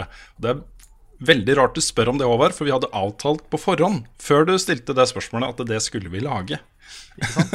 Så da passer det innmari bra som en uh, ukens uh, spørsmål. Det var kjekt. Mm. Da er det store spørsmålet hvem har lyst til å begynne? Jepp. Kanskje den uh, minst kjente i level up-sammenheng. Tarjei? Kjør på. Mm, ja, ok. Jeg får starte med mine honorable mentions først. da fordi eh, vi var ute på et såkalt burger run under eh, begynnelsen av PC Gaming Show. Og der ble det dryppa en ting som ligger mitt hjerte veldig nært, og det er Star Control Origins. Mm. Eh, og eh, jeg har spola litt rundt på nettet sånn, eh, og titta etter eh, info og sett på det lille som ble, ble sendt på PC Gaming Show. Og det var ikke så mye. Det var jo bare litt grafikk og og det jeg så, var at de har ikke fanga essensen i, i, det gamle, men de har eh, litt av uttrykket. Så jeg spola litt videre og fant ut at uh, det er ikke de originale folka som står bak det. Fordi uh, Accolade kjøpte da de som opprinnelig lagde, uh, lagde Star Control. og Atari kjøpte Accolade, og så gikk Atari konk. og da var det et lite firma som heter Stardock Systems, som gikk inn og kjøpte Star Control merkevaren. Men Fred Ford og Paul Reich den tredje i Toys for Bob, som var det nye firmaet som satt på den gamle IP-en. De har krevet, krever da at de skal ha copyright på, på innholdet. Mens trademarket det tilhører da Stardock Systems. Så de har vært i retten. Eh, Stardock sitter da med trademarket Star Control, mens eh, Toys for Bob sitter med resten. Så det betyr at det Stardock skal levere, det har ingen referanser til den originale historien. Ingen referanser til de originale TV-ene. De kan ikke gjenbruke noen av de gamle rasene, bortsett fra Human, selvfølgelig. Og de får ikke gjenbruke navn på verken planeter eller noen av skipene. Så det her Det høres ut som et herlig utgangspunkt for ja, en, eh, en, eh, ny versjon av en gammel, kjent og kjær eh, serie. Ja, så det er litt, litt, litt, engstelig. Så derfor har ikke den fått en plass. Jeg hadde den oppe på andreplass fram til jeg begynte å spole gjennom og leite fram info. Så ja, ble litt skremt. Men jeg håper jo at de klarer det, Fordi hvis de klarer å fange uh, humoren og den, den enorme verdenen og den måten rasene samarbeider og konspirerer mot hverandre, da, da tror jeg de kan lage et veldig bra spill. En ny liksom, kickoff på det spillet, den spillserien. Mm. Eh, honorable mention nummer to, Rapture Rejects. Eh, det ser morsomt ut.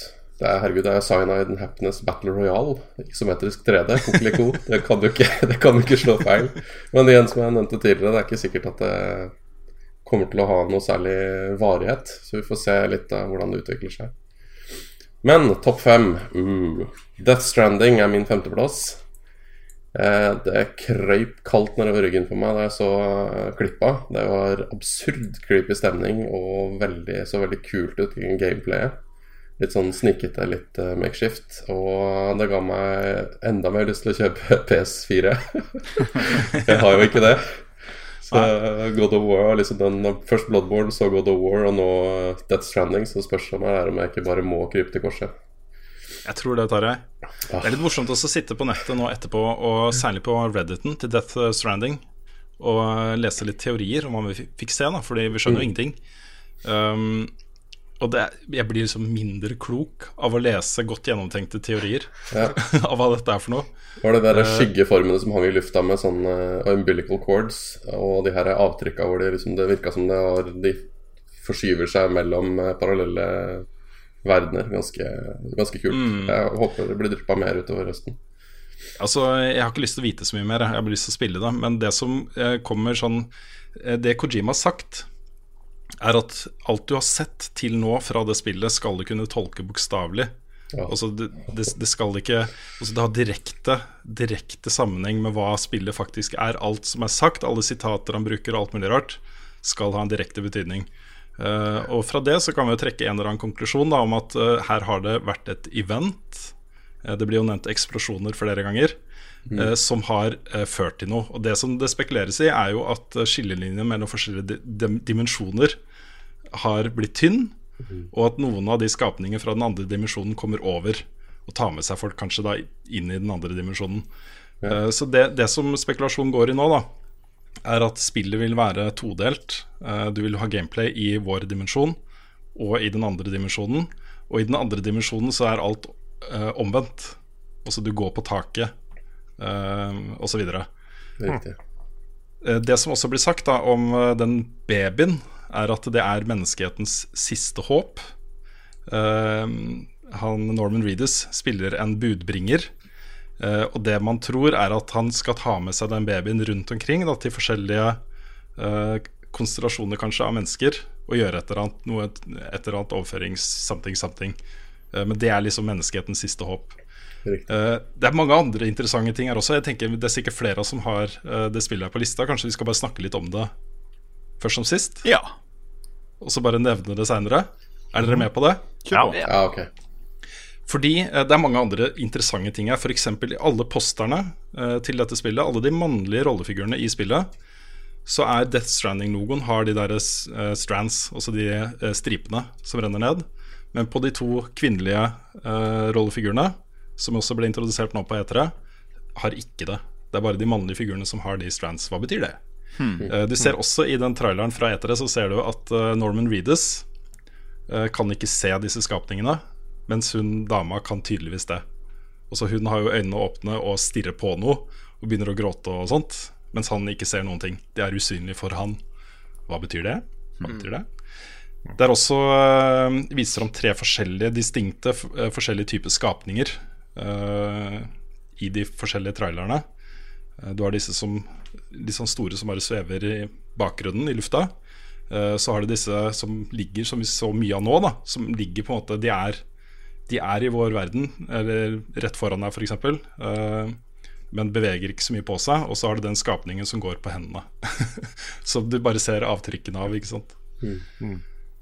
Ja, Det er noe her også. Det er noe her som Ja, jeg syns er kult. Det blir spennende.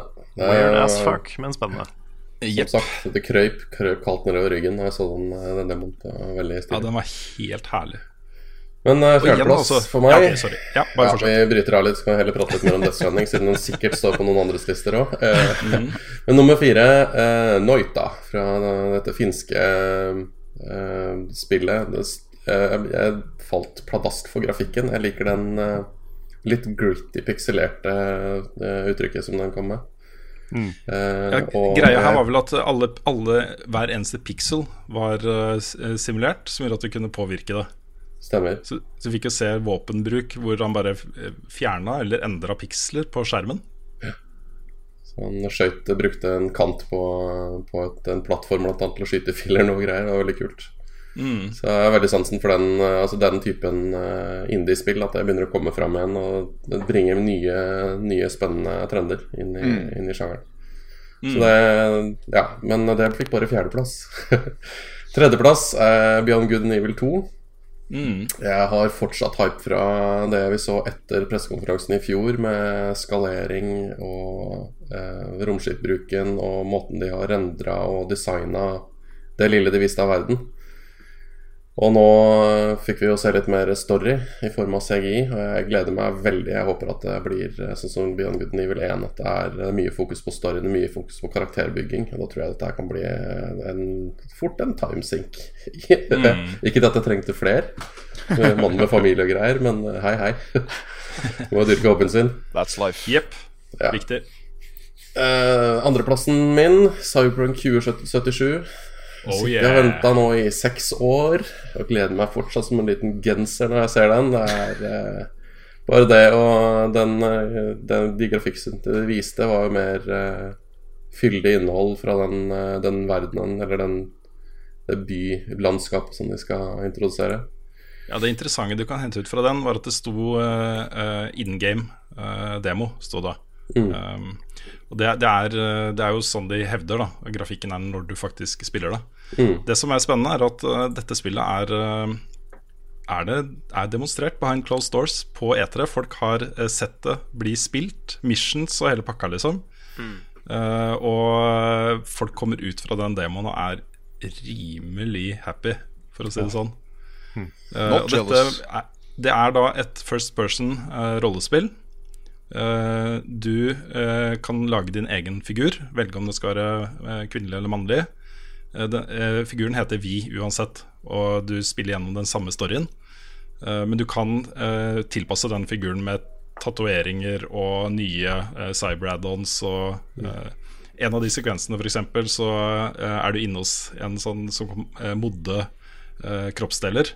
Eh, og du ser da at du tar ut øyet ditt og legger det på bordet. og så får du, får du montert noe nytt på den, og så kan du begynne å zoome og få informasjon, skanne folk, få informasjon om hvem de er og sånne ting. Da. Det er så kult. Uh, Det ble også forklart at eh, eh, du er en, en eh, fixer slash mercenary som tar oppdrag. eh, som du kan velge å løse på mange forskjellige måter. Enten med guns blazing, eh, gjennom dialog, eh, gjennom stealth, eller gjennom eh, koalisjoner med andre. eh, og sikkert også mange andre ting. Det har kjøretøy som du kan styre i enten first person eller third person. Eh, Du har din egen leilighet, som også kan Du kan kjøpe nye leiligheter underveis i spillet. Eh, Det er singleplayer only. Eh, De har et eget team som sitter og snuser på multiplayer, men det blir ikke til launch. Eh, Og det blir en svær, svær, svær verden. eh, Veldig vertikaldelt, slik som asiatiske byer ofte er. Eh, Så når de blir spurt om liksom størrelsen på verden her, så eh, svarer de ikke. Fordi eh, ok, kanskje den ikke er liksom like stor i utstrekning som Witcher 3-verden, men her har du liksom vertikaldelen også, som gjør byen dritsvær. Ikke sant? Ja. Nei, det jeg så for meg da jeg så den videoen, var litt Altså, kommer det en coop-funksjon her? Kan man faktisk gå tilbake i Cyberpunk 2020-stilen å begynne å faktisk party opp og spille missions sammen? Mm, så tror jeg det her har eh, muligheten til å, å rett og slett uh, Ja, fjerne det jeg har igjen av fritid. Hvis jeg hadde noe. uh, men min førsteplass er jo kanskje ikke så veldig overraskende. Det er Ori and the Will of the Wisp. Ja. Eh, for herregud, altså for et, for et spill. Det bitte lille som ble dryppet, var jo eh, grafikk, musikk, gameplay og story sammen. Bare på 40 sekunder. Og det er eh, det, det ser så gjennomført og godt ut. Og det ga en virkelig god følelse. Så minnene mine fra Ori and the Blind Forest er jo eh, varme og kjærlige og litt sånn tårer i øya-opplevelse. Og det kan s- virkelig se ut som Will of the Wisp nå blir det naturlige skrittet videre. Så jeg, jeg gleder meg over at de faktisk har tatt tid og, og lagt masse flid i dette her. For det Oh yeah, dette blir bra. Hell yeah. Hell yeah. Det så nydelig ut. Det gjør det. Ja, første, første Story var et av de få spillene jeg ga toppscore i VG. Så det er eh, Vel fortjent. ja, utrolig bra spill på alle måter. Det er sånn, det Mm. er pent, det er flott musikk, det er dritbra level-design. Konge Metroidvania-spill. Not just a pretty face. Ja, jeg tror det blir mitt eh, sommerspill, jeg, faktisk. Ja, Mm. anbefales. Jeg prøver å få spilt det før uh, Next-updaten kommer til uh, No Man's Sky 14.07. Kanskje, kanskje til og med noe du kunne spilt med barna? ja, kanskje det. Kanskje det. Svendsen, Er det meg nå? topp Yeah. fem. Ja. Um, honorable mention så blir det for meg og da Noita, var det det? Ja. Ja. Um, det ser jeg for meg som spill jeg mest sannsynligvis ikke kommer til å spille så forferdelig mye, men jeg kommer nok til å bli veldig blown away av Av liksom konseptet. Det, det bare virka så kult. Aldri gjort før. Uh, pluss at jeg fikk en sånn veldig sånn merkelig Nei, Jeg veit ikke helt hvordan jeg skal forklare det. Men uh, jeg likte det veldig godt. Um, ellers så har jeg ikke så forferdelig mange andre honorable mentions. Uh, jeg var veldig bestemt Short and sweet. Hæ? Short and sweet er bra, da. Short and sweet. Jeg var veldig bestemt på hva som hypa meg uh, up and beyond dette året. Og det, det, det, det preger nok òg også listen. Um, på femteplass så er det nok eh, Death Stranding på meg òg. Um, alltid vært nysgjerrig på det, og nå å få litt mer kjøtt på beinet, så skjønner jeg jo enda mindre. Og det, det fascinerer meg uten grenser. Så det må bare komme ut nå, så jeg får spilt det. Så jeg mest sannsynligvis blir enda mer forvirra når jeg er ferdig med hele spillet. Uh, på fjerdeplass så tror jeg nok det blir Jeg er så dårlig med navn, jeg beklager. Uh, The Ghost of Tsushima. Sushima. Sushima. For det Wow. That Hell shit yeah. blew me away. Ja. Som det ble nevnt tidligere på podkasten her, um, et theme virker som om det er postapokalypse, men et annet theme er uh, E-Station rundt, uh, rundt de tider. Ja, føydaltiden i Japan. Ja. Den stra strakk seg over ganske mange hundre år. Den starta vel på eh, 1000-tallet, 1100-tallet, tror jeg. Det er, jeg er ikke noen ekspert på eh, den tidsperioden, altså. Men den har jo veldig distinkte eh, deler også. Ja. Um, hvor det skjer liksom forskjellige ting. Og dette var, ettersom jeg forsto det, var det den her som var den mongolske invasjonen? Ja, var det, korrekt. Ja, Eh, som er bakteppet, da, akkurat i tids, denne tidsperioden. Og det dette så- er jo, dette er jo Sucker Punch. Ja. Dette er Sly-folka, Infamous-folka, som nå tar Føydal-Japan og lager noe som bare ser insane ja, bra altså, ut. det så så latterlig pent ut. Ja. Det var sånn Det var nesten så det ble tåpelig. Og um, jeg blei veldig fascinert av uh, hvordan den combaten var. Den virka òg litt sånn en treigere Nio, vil jeg nesten si. For der virka det også som det var stances, at du opp, uh, attacka fra ovenfra, du opptaka nedenfra. Uh, og den, Han hadde, den et sånt, han hadde et sånn fantastisk finishing move på den, ene, den første kampen han kom til i det. Ja, ja, ja. Hvor han står bare med sverdet opp, og du ser han tar liksom sats, og så bare joff, ja. Og så er den der. Hele kroppen bare, bare som en øks, bare veiver. Ja, ja, ja. um, det vi fikk se av den grappling-hooken, hvordan du liksom skalerte bygninger og det hele Åh, Jeg tror dette blir så kult, altså. Ja. Dette, vi så bare altså, Jeg føler vi så så mye av det spillet, men vi så jo bare en liten del av det. Vi så Ja, ja, ja. bare et veldig begrensa, én liten mission. Jeg bare ser for meg hvor stort dette her kan bli. Altså. Ja, vi, vi sa jo etter Sekiro at eh, nå syns vi litt synd på Ghost of Tsushima, men uh, det var ikke noe grunn til det. Nei, på det, måte. Det der klarer helt fint å stå på egne bein. Ja. Og det var jo noe helt annet også. Ja, det var nettopp det. Det var, uh, jeg så i hvert fall ikke noe tegn til overnaturlig. Det har jo både Nei. Nio og Dette virker som det var litt mer uh, true to True to stuff. Mm. Ja. Og en egen stil, eget kampsystem. Ja, Bare- og bare latterlige set pieces når da denne, denne lille showdownen vi så. Og disse, eh, blø, disse bladene bare flagra i vinden, og du så det mongolske krigstoget i bakgrunnen bare ljoma på. Det var sånn Åh! Bare den Hele kroppen bare Og den der stille hesteturen også. I Ja, ja, ja. Gjennom de der nydelige landskapene. liksom. Med liksom Ja, var- den der veldig lette panfløyta i bakgrunnen. Mm. Det var eh, det, Av det lille vi så, var så gjennomført, syns jeg, Mm. At uh, jeg, jeg klarer ikke å være noe annet enn bare kjempehyped. Same. Sletten og retten. Um, nå blir det litt verre, men uh, tredjeplassen uh, må nok gå rett og slett til Resident Evil Remaster. Det òg var noe som Det hadde jeg aldri trodd jeg skulle få se. Den, det, var, det var en uh, sucker punch ut fra ingen steder. Og ehm, For jeg har ikke sånn voldsomt øh, Voldsomt eh, forhold til det faktisk andre Resident Evil-spillet. Jeg har ikke spilt det gjennom fra A til Å sjøl, men øh, jeg har fortsatt Resident Evil 7 så voldsomt eh, friskt i minnet. Det er liksom Capcom tilbake i storform med denne serien. Eh, at om Sjøl om det ikke er det samme gameplayet, eller om det blir kanskje litt mer som Resident Evil 7 eller noe midt imellom, jeg vet ikke. Man så jo bare så vidt litt sånn over the shoulder trasking gjennom byen av gameplay, virka det som. Ja. Uh, så merker jeg at jeg driter nesten i det. Fordi dette her tror jeg blir Dette tror jeg blir good shit uansett. Det som er øh, unikt da med de første Resident Evil-spillene Og jeg har jo spilt gjennom Resident Evil 1, 2, 3 og 4. Ja. Også ikke, når jeg sier 4, så tenker jeg på Veronica uh, Ja, ja. Pro Project Veronica X. Korrekt. Uh, Code Veronica. men Code Veronica, selvfølgelig. Ja.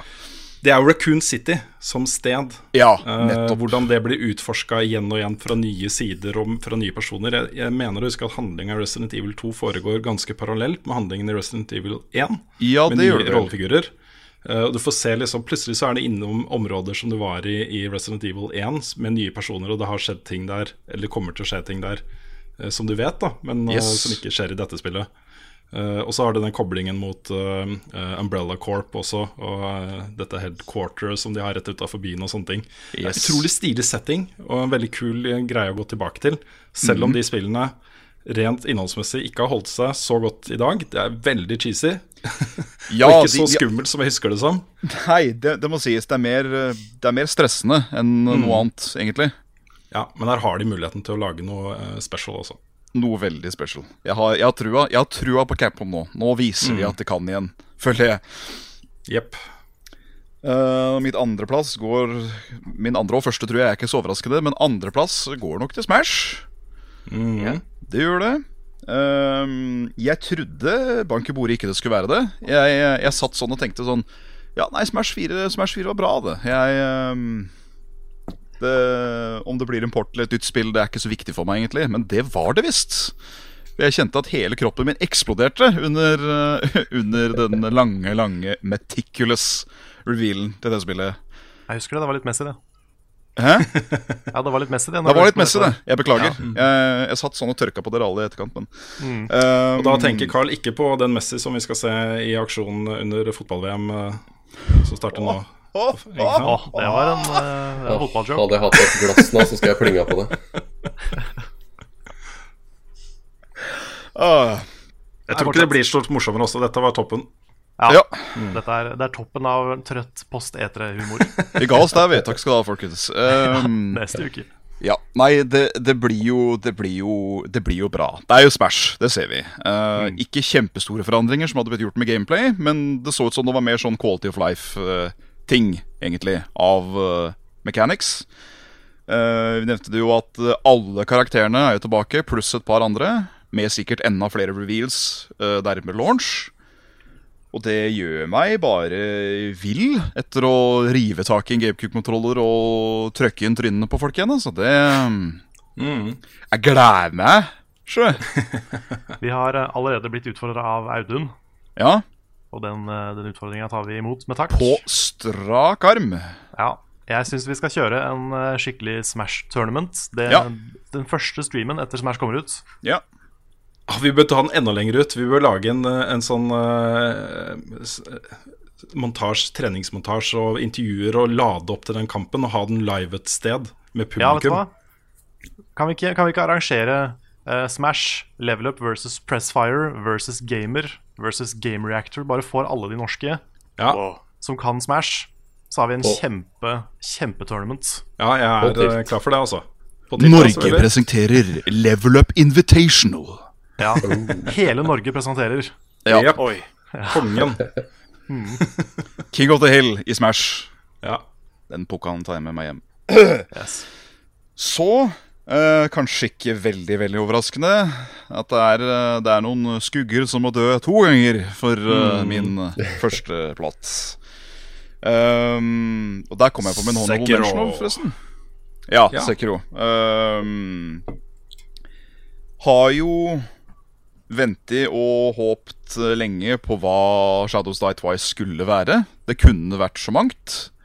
Eh, de var nok vage for en grunn, ja. Og um, håpet var jo enten om Bloodborne 2, eller som det ble snakket om i forkant, et asiatisk-ish med, med liksom de samme mekanikkene som er i Soulsborne.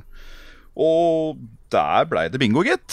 Og det var et uh, veldig hyggelig en veldig hyggelig overraskelse. Um, Du, du ødela en penn. Hæ? Du ødela en Ja, jeg, jeg, kast, jeg smasha de pennene i bakken, og den ene sprakk. Ja. Det følte jeg det fortjente. Fortjente pennen nå. Var uskik uskikkelig penn. Jeg tror dette her er riktig tidspunkt å ta eh, et eh, spørsmål til jeg, fra, eh, fra en lytter. Gjør det. Okay. Som er relevant for dette spillet. Eh, det er Ja. fra Anders Wiger. eh, og han, eh, eh, han skriver Skal vi se. Det er et intervju i PC Gamer som forklarer at eh, Sekiro ikke kommer til å ha stats, armor eller våpen. Kun gadget-lignende greier man kan sette på den armen. Eller så bruker man kun det sverdet vi så i traileren. Ja. I tillegg ser det ut som uh, Sekro ikke kommer til å ha souls slash echoes eller noe lignende. Og det ser også ut, ut som man ikke kan lage en egen karakter, kun den karakteren vi så i traileren. Ja. Uh, virker som om combat er designet rundt posisjonen av sverd, og at man skal slå hverandre på sverdene til motstanderens sverd faller av, og det er tid for en finisher. han, han sier personlig at han mistet all interesse. Ja. Uh, men hva tenker du? Jeg syns det er eh, helt uh, riktig, jeg, at Fromsoft prøver noe nytt i, i kjente trakter allikevel. For nå har vi hatt Altså helt siden Demon's Souls, må vi jo si, så har det vært samme oppskriften. Bloodborne òg er jo veldig Altså Det er jo Det sies jo Soulsborne for en grunn. Fordi det er fortsatt den samme type combat. Det er XP, det er levelinga, det er dø, gå tilbake, hente tinga dine, eller dø igjen og miste alt. Det er liksom Det er Oppskrifta er der, bare i annen setting. Uh, og det at de tuller bitte litt med oppskri oppskrifta, og gjør kanskje storyen og det hele der litt mer lineært, litt mer lettere å fordøye enn at du må gå rundt med lys og hele pakka. Jeg har ingen problemer med det i det hele tatt. Det Nei. hadde jeg ikke noe problem med, i hvert fall når vi spilte Nio, for der er det jo han Edward et eller annet. Og øh, selv om storyen vi også har etablert der var ganske rotete, så allikevel, det var Det var noen faste rammer der, og det tror jeg ikke har noen ting å si. For uh, Altså, jeg tror ikke det gjør noe. Nei, jeg er enig. Jeg, jeg føler det at de tar det kuleste fra Bloodborne, som er kampsystemet, Ja. og putter det inn i et nytt type spill. Fra det bitte lille vi så, så virka det fortsatt ganske raskt. Ja. Og så er det litt sånn eh, man blir, man er så, Det er så lett å bare tenke at jeg vil bare ha et nytt Bloodborne eller et nytt eh, Dark Souls. Eh, men ofte så vet man ikke helt hva man egentlig vil ha. Og Nei. det å tillate liksom utviklerne til å prøve nye ting, og til å utforske nye måter å spille på, så kan man oppdage et nytt favorittspill. Ikke Ja. sant? Altså, det er eh, ja. Det er bra for Fromsoft, og det er bra for oss. Absolutt. Er, eh, Jeg er, jeg er uten tvil en av de som hadde sagt det at hadde jeg fått Bloodborne 2, så hadde jeg mest sannsynlig blitt kjempeblid. Eh, og sam sikkert om plutselig bare Å, vi kødda. Dark Souls 4. Der Men ehm, det er allikevel godt å se at uh, Eller nå skal Flomsoft bevise at de er ikke bare fullstendig one trick pony, på en måte. Og det, Ja, det bra. det Bra tror jeg bare FromSoft og Miyazaki har godt av. Mm. Og oss som konsumere. Yes. Nick, Skal vi se topp fem. Uh, først har jeg et par honorable mentions. Kommer dem. Uh, det er Ghost of Sushima. Tsushima. -hmm. Det er et av dem. Bare tar det veldig fort her. Så er det En av mine honorable mentions er jo Death Stranding. Jeg, jeg er fortsatt veldig spent på å spille. What? Ja, jeg, jeg er veldig, veldig spent. Men mm. det var noen andre spill som gjorde meg litt mer hype til i år, da. Ja, det er lov, det. Ja, også Carl har gjort meg veldig hype på Kingdom Hearts 3. Jeg har ikke spilt noen av de andre, men, men det er der. Du har Eh, hype på Elder Carl, Scrolls. egentlig, da. Hæ? Det er, du Ja, har på en måte ta- ta del i Ja, Carls Carl. hype, på en måte. Ja, Jeg så kan Carl jeg kan ta så rekke deg et par Kingdom Hearts-spill under bordet, Nick. Ja, ok, greit. Så skal vi få hypes. Mm. Og så har vi uh, Elder Scrolls. Jeg er stor fan av Elder Scrolls, men jeg, jeg må ha litt mer. Vi visste at de jobba sannsynligvis med det, men jeg vet jo ingenting om det ennå. Uh, og så har vi de to spillene som akkurat ikke klarte å komme på lista. Det er The Last of Us 2 og Smash. De klarte Mm. akkurat ikke å komme på lista. Nå er jeg spent på lista di, Nick. Okay, det var mange kanoner der. Hæ? Hva? Det var mange kanoner blant honorable mentions. Ja, det er det.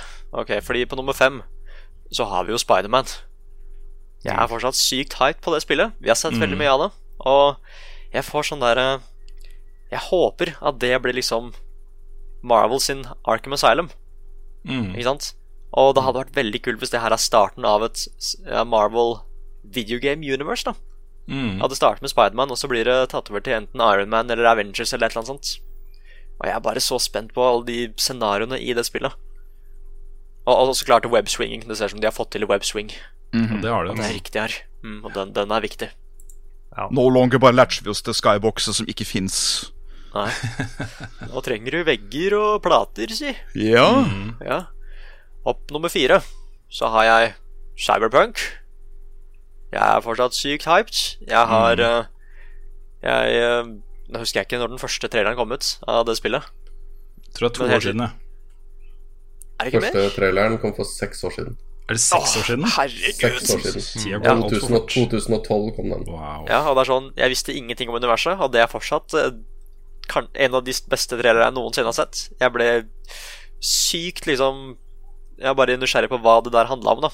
Mm. Og jeg har gjort mye research av hva gameplay kunne Ja, hvordan gameplay kunne vært, og jeg syns det er veldig kult at det er first person. Mm. At eh, jo, jeg hadde jo ikke, hadde ikke gjort noe med third person heller, men jeg er veldig spent på åssen de skal gjøre det. Siden de er såpass store på Witcher, da. Ja, jeg liker også det CD Project Red sier om uh, forskjellen på de to trailerne som nå er vist fram. Den første og den nye nå på etere. Og De sier at den første traileren fortsatt er representativ for det spillet er, fordi det er så stor forskjell fra region til region her. Her vil du ha slumområde, du vil ha et område hvor alle de rike bor, uh, men at alle områder vil være livsfarlige. da Eh, Så du vil være innom veldig mange forskjellige visuelle stiler på miljøene. Ja, så jeg bare Jeg bare venter på at det spillet skal dukke opp, så jeg kan bli ordentlig immersed, ikke sant. Så bare sitte med det. Sitte med det forever. Eller i hvert fall i mange timer. Ok, og som nummer tre så har vi faktisk Babylons Fall. Oh shit. Ja, og, og det er sånn derre ja, Vi vet jo ikke om det Eller det er jo Platinum Games, så det kommer mest sannsynlig til å bli noe sånn action gameplay-opplegg. Men bare liksom Lorn i seg selv. Den, denne worldbuildingen, si. Og Mm. at det var eh, Jeg er veldig, veldig glad i sånn der medieval fantasy-opplegg, og det så det ut til at det var. Mm. Og så er det så klart den der lille ideen med at det kanskje det her er en del av Drakengard-universet. Oh, og, og Nero Tomata og sånne ting. Mm. Ja, og så er jeg så klart veldig glad i Platinum Games vanlig. Så den er på tredje. Og på nummer to, da har jeg også Sekiro. Shadows Die Twice. Mhm. Jeg, eh, jeg var også det som at eh, jeg hadde blitt veldig glad for Bloodborne 2. Men jeg liker også at eh, jeg blir alltid mye mer hype når det er noe nytt fra dem. Mm. Ja, det er det Svensson som sier at eh, ja, de, de gjorde det veldig veldig bra med å liksom gå fra medieval til Victorian setting i Bloodborne. Dette er liksom den ordentlige på Dette er liksom det ordentlige forsøket på at ja, de kan fortsatt lage nye settinger, og det er like kult, ikke sant? Mm. Mm, og så var det sånn at han kan hoppe i det spillet. Det, Ja. så jeg var veldig spent på åssen gameplay blir rundt det. da Mm.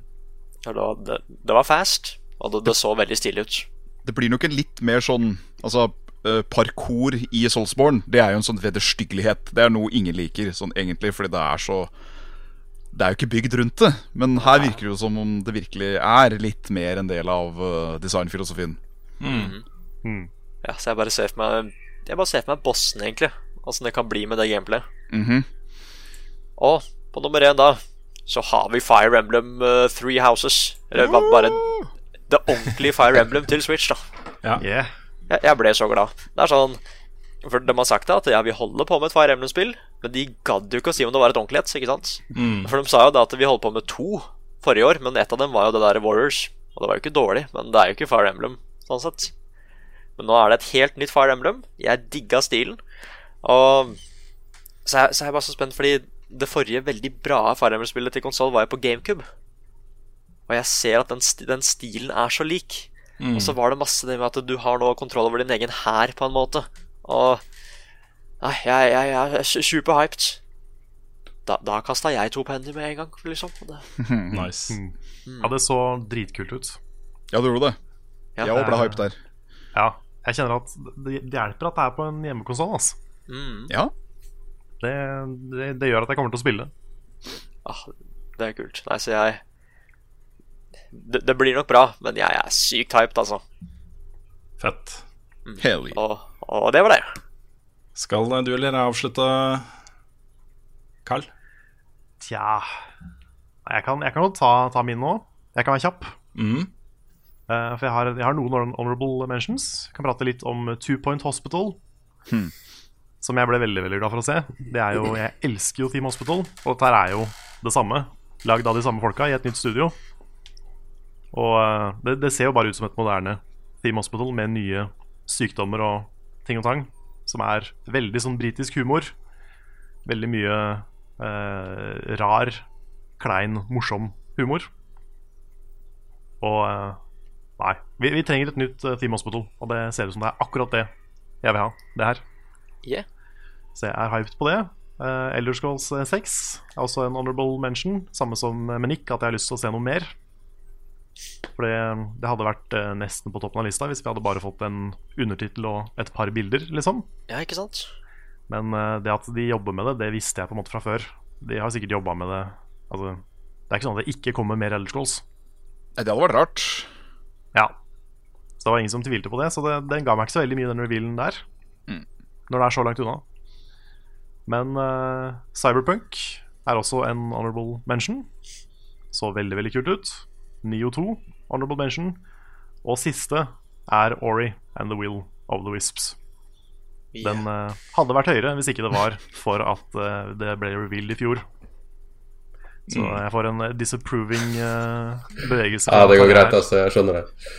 Du, ja, det, var, eh, det var mye annet eh, safe, fine spill, tenker jeg, på topp femmen din. Så Safe, det er, nok, det er det eh, spillet, ja. det er helt greit. Generelt mange- mange helt safe vilt mye godt i år. Ja, nei, Jeg kan begynne på femteplass. Ghost of Sushima. Mhm.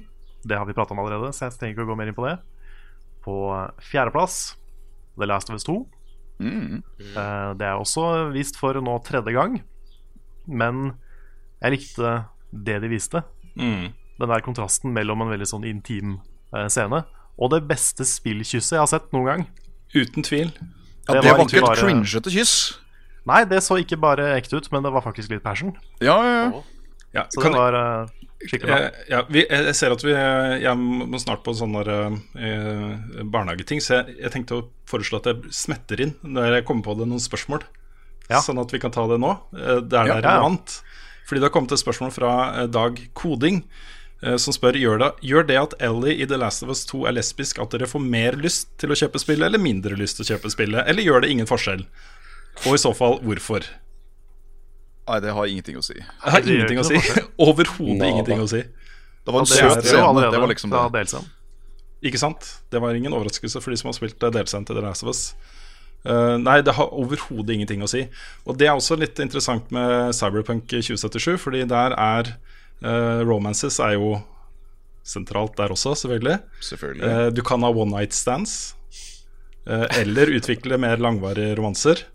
Um, og det om du velger kvinnelig eller mannlig uh, rollefigur, vil også ha ganske stor effekt, for noen av rollefigurene er bifile, mens andre ikke er det. Så Nei. hvem du kan romanse og sånt, vil jo ha ganske stor uh, forskjell, da, ut fra hvilket kjønn du velger selv. Men det at det ikke er en issue, det at det bare er sånn er det, liksom, det er sånn fuckings ting skal være. Det er det. Jeg synes jo, jeg kan, bare for å si det, da, jeg syns det er hyggelig at det er uh, At det blir vist på en stor Sony-messe på den måten. Mm. Eh, for det Det er jo en statement. Det er en statement. Mm. Eh, det burde jo sånn sett ikke være det, men det er jo det. I hvert fall i, eh, Bare for å kaste ut den. I Trumps America så er det en statement. Mm. Så det syns jeg er bra at de gjorde. Ja. Men jeg, jeg syns også kontrasten mellom den veldig koselige, intime scenen og den veldig voldelige, brutale etterpå, Mm. det viser på en måte begge sidene av Last of Us.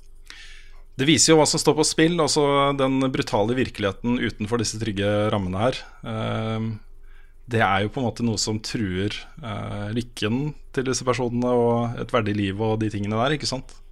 Mm. og det er jo mye derfor den spillopplevelsen er så sterk også i The Last of Us. At, eh, at de fokuserer på de nære menneskelige øyeblikkene for å sette det i kontrast mot hvor jævlig ting er, da. Eh, og da stikker det mye dypere. Mm. Så det, ja, of Us 2. På tredjeplass har jeg Smash. Kan vi også gli eh, fint videre, siden vi har snakka om det alt. Eh, som også gjelder andreplassen, som jeg trodde kom til å bli førsteplassen, men det ble andre. Sikiro. Mhm. Da kommer det kanskje ikke som noe sjokk at min førsteplass går til The Elder Scrolls Daggers, eller hva det heter. Det mobil... nei, Ja, ja, selvfølgelig. Mm. Det- Jeg trodde det, det var Command, Command and Conquer-mobilspill, jeg. Ja, ja nei, det var egentlig det. Ja, skal vi på kjøleskap. Nei, førsteplassen, Kingdom Hearts 3. Ja. Jeg, um, Kingdom. jeg var liksom Det var tre, det dukka opp tre ganger. Mm. Første gangen kasta jeg en penn, og det var sånn OK, Frozen, det var veldig predictable.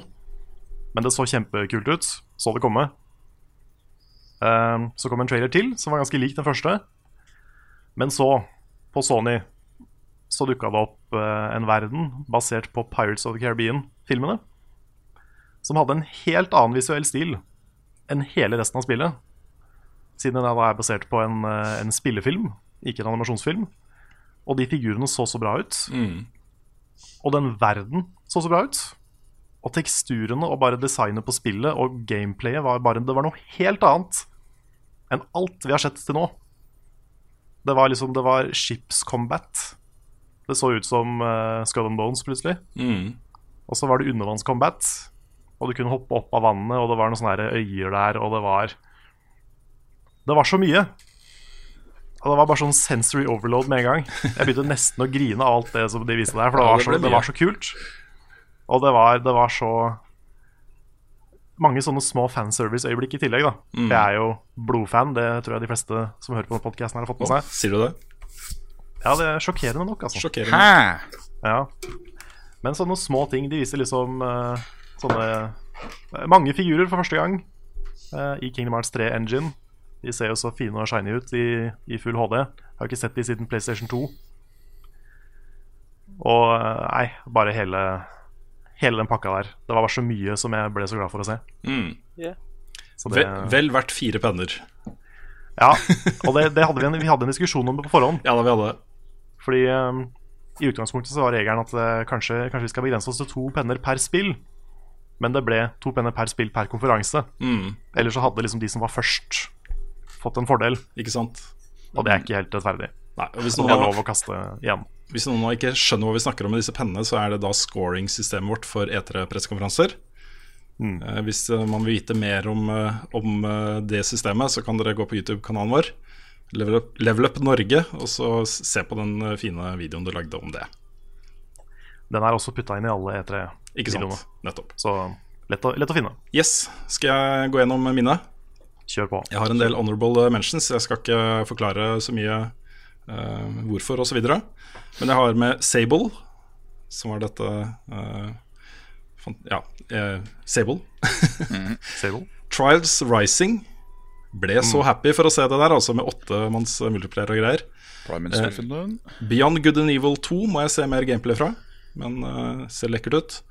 Assassin's Creed Odyssey. Uh, jeg har med Super Mario Party. Det blir eh, noe å kose seg med uh, family på, rett og slett. Uh, Forza Horizon 4 så latterlig lekkert ut. Anthem er jeg faktisk mer gira på enn jeg var før. Og ble veldig glad for å se Capcom klare til å gi ut Devil May Cry 5. Det må med på Yeah. honorable mention. Det hadde jeg helt glemt. Mm, så har vi snakka om alle de spillene som jeg har på min topp fem. Eh, på femteplass Cyberpunk 2077. Eh, på fjerdeplass The Last of Us Part 2. Yeah. Eh, på tredjeplass Ghost of Tsushima. Eh, en tilleggsinfo som jeg har fått med meg etterpå, er at eh, man kan velge japansk lydspor. Det er nice. Yeah. Det er nice. På andreplass Death Stranding. Og på førsteplass Sekiro Shadows Die Twice.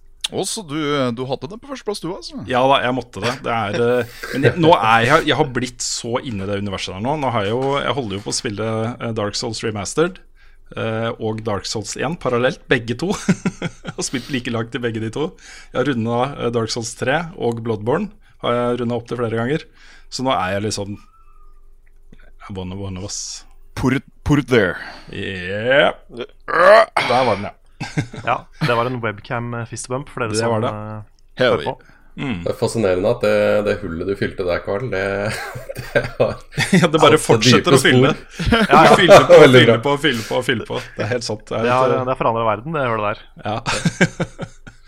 Men eh, nå er jeg på en måte mer eller mindre gjennom de viktigste. da Jeg har jo så vidt begynt på Dark Souls 2 også. Jeg kommer nok til å hoppe med, tilbake i det etter hvert, men eh, eh, vi får se. Hell yeah.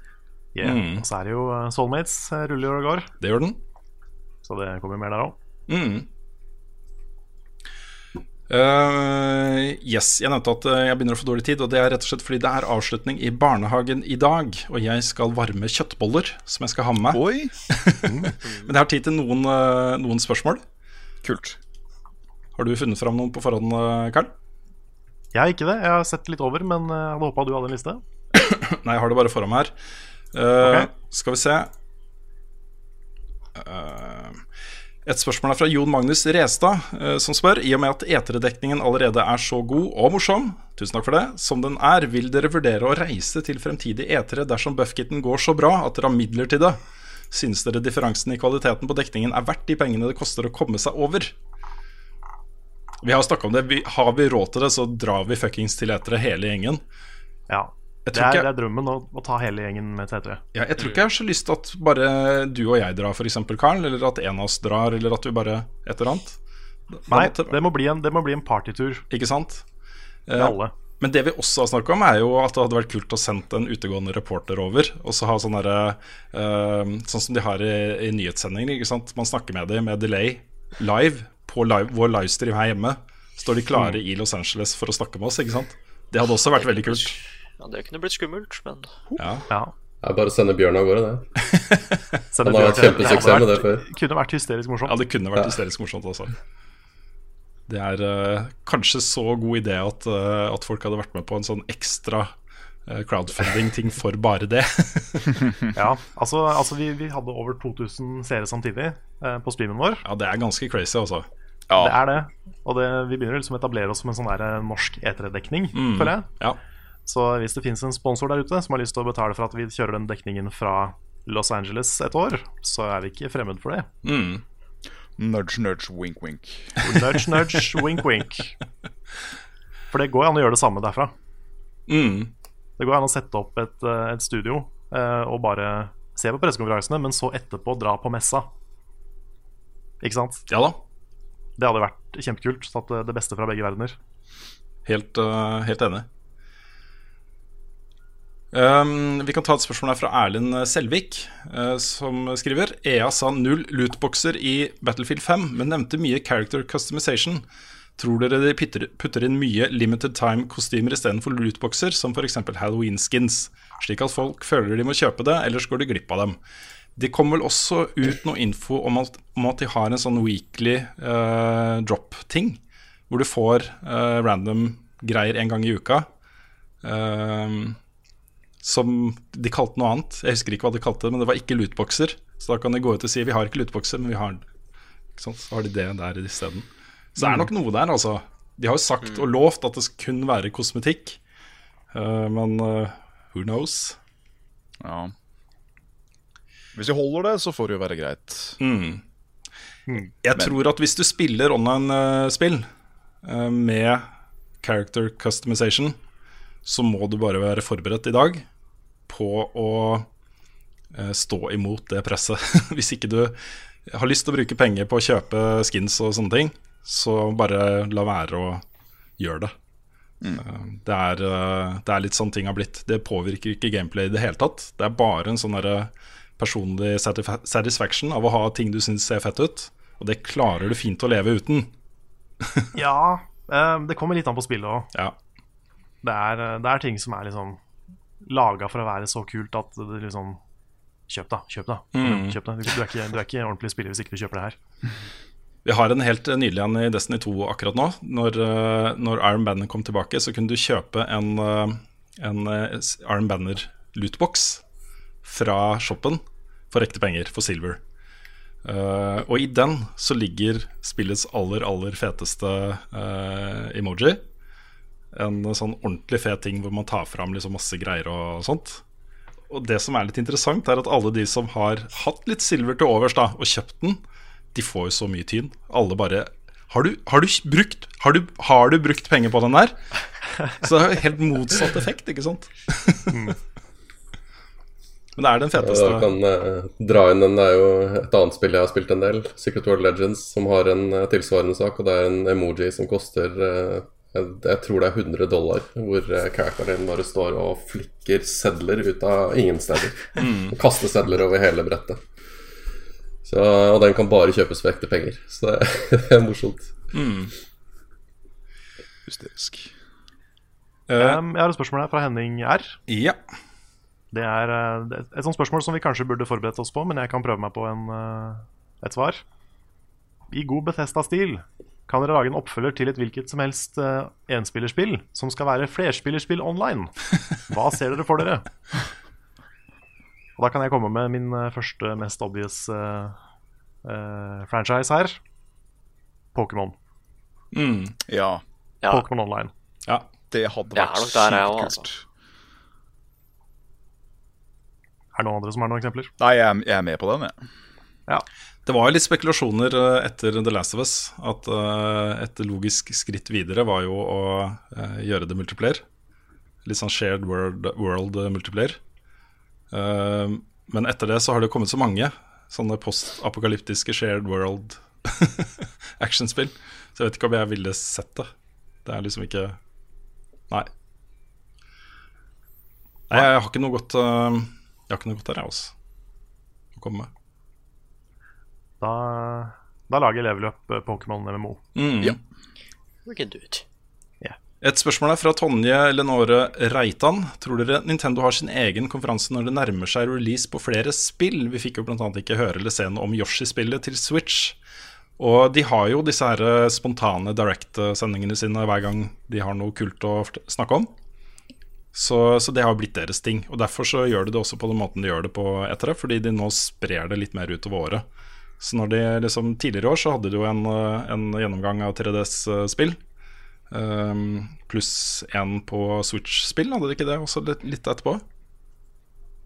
Jeg husker ikke helt. Jo. Det kommer i hvert fall egne directs når det er eh, aktuelle ting. Så det vil komme massevis av dem, garantert. Det kommer jo på et eller annet tidspunkt en eh, Pokémon Direct Mm. Som snakker om de nye spillene for 2019. Mm. Ja. Da mest sannsynlig etter at uh, Let's Go er ute. Mm. Og så har vi et spørsmål fra Alexander eh, Ånevik her, som også sendte oss eh, en melding med en link til en 11 minutter lang gameplay-demonstrasjon av Code Vane. Oh, ja. Som jo ikke var på noen av pressekonferansene, men som jo er inspirert tungt av uh, Soulsborne. Anime Souls. Anime Souls blir det kalt. Uh, spørsmålet hans er lurer litt på hvorfor vi ikke så noe til Code Vein på press pressekonferansene, men uh, ser nå at det har kommet ut uh, 11 minutter gameplay eh, av det på IGN. Så poster det en link her. Er dere er så spent på det spillet. Hva syns dere om Code Vein? Er det noen av dere som skal spille det da det kommer? Kan det være en vente Soulsborne til uh, Sekiro kommer? Ja, det skal være snickers og twist at man skal. Ja, ja da. Eneste jeg er redd for da, er, da er det vel kanskje utsatt enda litt til, da. Det var vel det. mer det at, uh, at det ikke fikk noen plass på noen pressekonferanse. Det er, Det kan jo fort å være. Er det noe kjent studio som er bak det? Ja, det er de som har lagd uh, um, oh, hva heter det igjen, da? Uh, jeg skal google det. Men uh, i den gameplay-demoen som var der, så viser det fram det buddy-systemet som er der. Fordi her har du jo konstant co-op, men Ja. med en NPC. Du kan Stemmer. også kalle inn en annen ekte spiller. Så eh, det var litt snakk om liksom vanskelighetsgrad og, og sånne ting. eh, i, eh, I den demonstrasjonen som, eh, som Alexander sikter til. Eh, og da ble det jo nevnt da, at hvis du sliter, hvis du syns det er vanskelig, så kall inn en venn eller en random. For du- kan spesifisere da om det skal være en random hvilken som helst person fra, som er online akkurat nå, eller om det skal være en konkret fra vennelista. Men det er kult. Ja. Det er kult. Ja, nei, Vi har jo sånn halvveis planlagt Svensen, å ta en Coop-anmeldelse på det. Vi har vel det. Det blir jo ofte sånn eh, det gjøres når vi har uh, Souls-aktige spill. Ja. Så eh, vi får se. ja da. Det blir gøy, det. Det skal spilles i hvert fall. Jeg skal det. Skal vi se, Det er Bandai Namco selv som lager, uh, som lager det spillet oh, ja. her. Men det er teamet bak, og det er det eh, jeg skal finne nå. Fordi jeg husker det når jeg ser det. Eh, det er jo så jævlig lang liste, vet du, med spill. Er det kanskje det Cyber Connect-greiene? Nei, jeg lurer på om det hadde God i seg. Ok God hand. Og før, uh, før noen eh, kritiserer oss for å sammenligne veldig mange ting med Souls, så er dette her det spillet som Bandai Namco sjøl har valgt å markedsføre som et Souls-spill. Ikke sant? Ikke sant? Ja. Med 'Prepare to Dine' som, som tagline. God Eater. God Eater-spillene er det samme teamet som har lagd God Eater. Uten at jeg Ja. vet hva det er. Okay. Mm, kult. Uh, men det er eh, Det så litt kjappere ut. Uh, litt mer snappy, men det var samme type tingen. Uh, med Ja. kister som var garda av ekstra tøffe fiender. svære, svære bosskamper. Du ser med en gang at du kommer inn i et bossrom. Du hadde lagringspunkter hvor du kunne velge om du skulle ta level up eller gjøre forskjellige andre ting, som du kan på Bonfires da, i Souls. Eh, men du kunne også, det var et valg der som jeg synes var litt interessant, men jeg lurer på om det kanskje var av hensyn til E3-demoen de har der. Men det var bare eh, 'go to boss', sto det. Ja. Så, men hvis den blir med videre, så er det jo en ganske kul ting, da, fordi også, Det er ikke supervanskelig å komme seg til disse bossene, fordi i Soul-spillene så har de jo åpna snarveier og gjort det mulig å bare løpe forbi og rette inn til bosskampen, ikke sant? Um, men det er, føles noen ganger som litt hassle. Og noen ganger så blir du hitta et eller annet på veien, og så bare fuck, ikke sant? ja, ja, skal rushe igjennom, og så blir du drept allikevel. Ikke sant? Så, så en, kanskje en ålreit liten nyvinning det er lagt til der. Ja. Yeah. Dette er en verden hvor det er vampyrer, ja. Ja. Vakre anime-vampyrer. ikke sant? Jeg spilte det litt på Spillekspo, og det var ganske kult. Mm. Ja. Ja, jeg har hørt mye bra om det. Fra de som har hørt det. Eh, Et spørsmål er fra Rune Jacobsen, som er litt callback til ting vi har snakket om tidligere. Eh, Han spør Microsoft har kjøpt opp flere spillstudioer. Hva tror dere Microsoft burde legge taktikken sin for å bli populær med sine egne exclusives igjen? Og clouet her er jo nye IPs, nye ting. Nye ting vi ikke har sett før. De klarer ikke lenger å generere den samme hypen med Halo og Gears og Forza og de tingene som har vært dritbra i mange, mange år. De må lage noe nytt. Eventuelt bringe tilbake Fable 4 og sånne ting. da eh, Ja. Ny start på gamle ting. Eh, Men det er det de må gjøre. De må finne opp hjulet litt på nytt og gjøre oss excited igjen. Ja, Og så håper jeg ikke de kjøper for mange studioer som allerede lager spill på flere konsoller. Fordi eh, du husker jo det skjedde med Tomb Raider 2 av de nye. Og da ble jo folk bare sure. Og det er greit at de selger sikkert noen Xboxer på det, men eh, det, det blir også mye Mye dårlig, dårlig vibes, mye dårlig PR. Mm. Så jeg håper de fokuserer på å lage nye ting istedenfor å kjøpe andres ting. Mm. Et relevant spørsmål er fra Thomas Bjørnerud Enger. Hva syns dere om at det nå har blitt et enda større fokus på å ha gratis oppdatering og betalte kosmetiske pakker, i motsetning til i fjor, hvor det var lootboxer eh, som var tingen? Og Det han sikter til, er jo eh, bl.a. Battlefield 5, som ikke har noen eh, season pass eller noen eh, eh, sånne ting igjen. Og alle oppdateringer til spillet vil være gratis. Men det samme gjelder også The Division 2, som kommer med tre svære delseere det første året, og alle skal være gratis. Det er, en, eh, det er jo en utvikling. Eh, De satser nok på å få pengene sine tilbake på annet vis. Men jeg tror, jeg tror hele den Battlefront 2-diskusjonen har ført til bedre tider. Jeg tror det også. Så, så det er en positiv ting. Og så får jo eh, CD Project Red så mye love ved å si liksom Ikke noe mikrotransaksjoner, ikke noe betalte ting i det hele tatt whatsoever. Bare kos dere med spillet, folkens. Dette er spillet vårt. Og så kanskje de gir ut en megasvær DLC-pakke som tar 40 timer å fullføre uh, seinere en gang, ikke sant? Ja, de har gjort det før. De har gjort det før. Mm. Så får vi håpe at uh, Activision ikke fucker med Sekiro. Mm. Ja. Det hadde vært et punch. Ja, for det var jo en liten surprise, da. At det sto Activision som publisher der. Det var det. Det var det. Til gjengjeld så har Activision veldig veldig mye penger. Ja. Så det kan hende at de har fått et eh, monsterbudsjett til å spille her. Ja, kanskje det. Det var nok en liten fjær i hatten for dem. Og du ser det også, du så det på EA sin pressekonferanse, hvor de trekker fram disse to flotte indiespillene, Unravel 2 og eh, Sea of Solitude. Det er liksom, Jeg tror det blir ganske viktig for disse megaselskapene å ha sånne eh, kunstneriske i anførselstegn alibier. Og så vise at de har et bankende hjerte for spillmedia ved den type spill. da Eh, Og Sånn sett så er jo Sekiro et godt eksempel på et spill som kan være nettopp det. Ikke sant? Det at Activision går ut og sier her er spillet liksom ikke noe delser eller mikrotransaksjoner eller lootboxer eller noen ting. Dette er bare et spill. Kos dere, folkens. Så kanskje de slipper litt billigere unna med mer eh, dodgy uh, methods i andre spill.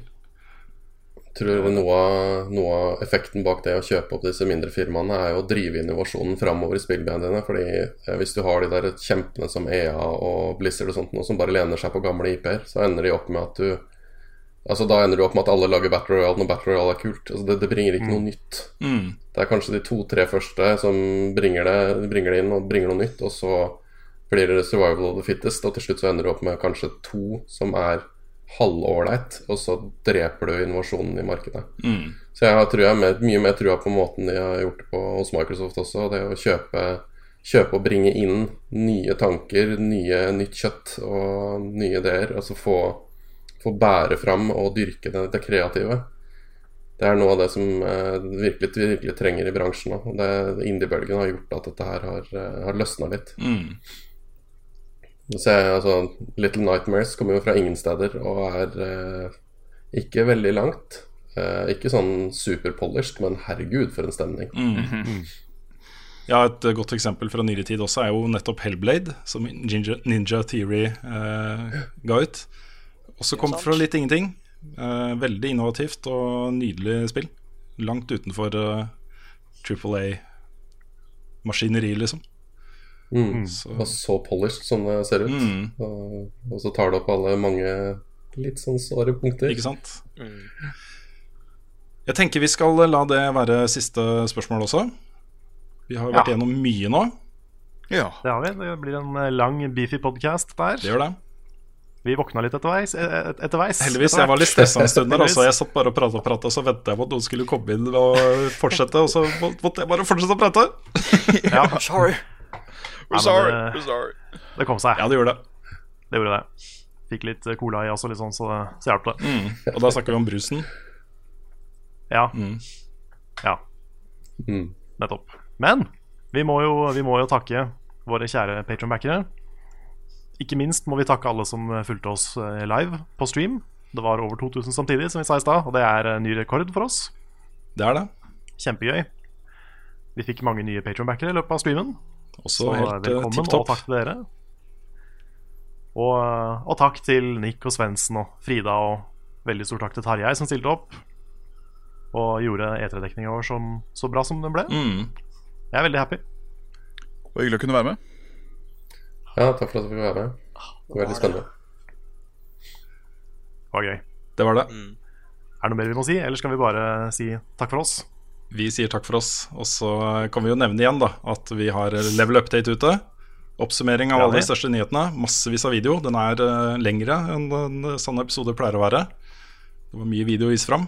Vi har uh, sammendrag av alle uh, uh, post-pressekonferansediskusjonene vi hadde. Um, Ja. Det har vi. Ja. Det har vi. Og så kommer det vanlige, vanlige Soulmates. Det kommer vanlig kosekveld yep. denne uka her. Mhm. Og så neste uke får vi en litt mer tradisjonell podcast. Er det et back in business? Ja, kanskje med en ny gjest. Ja, Vi får se. vi får se. Ja, er det noe som uh, ulmer i mosen, som de sier så fint på, på Paradise. Så takk for nå, og ha det bra.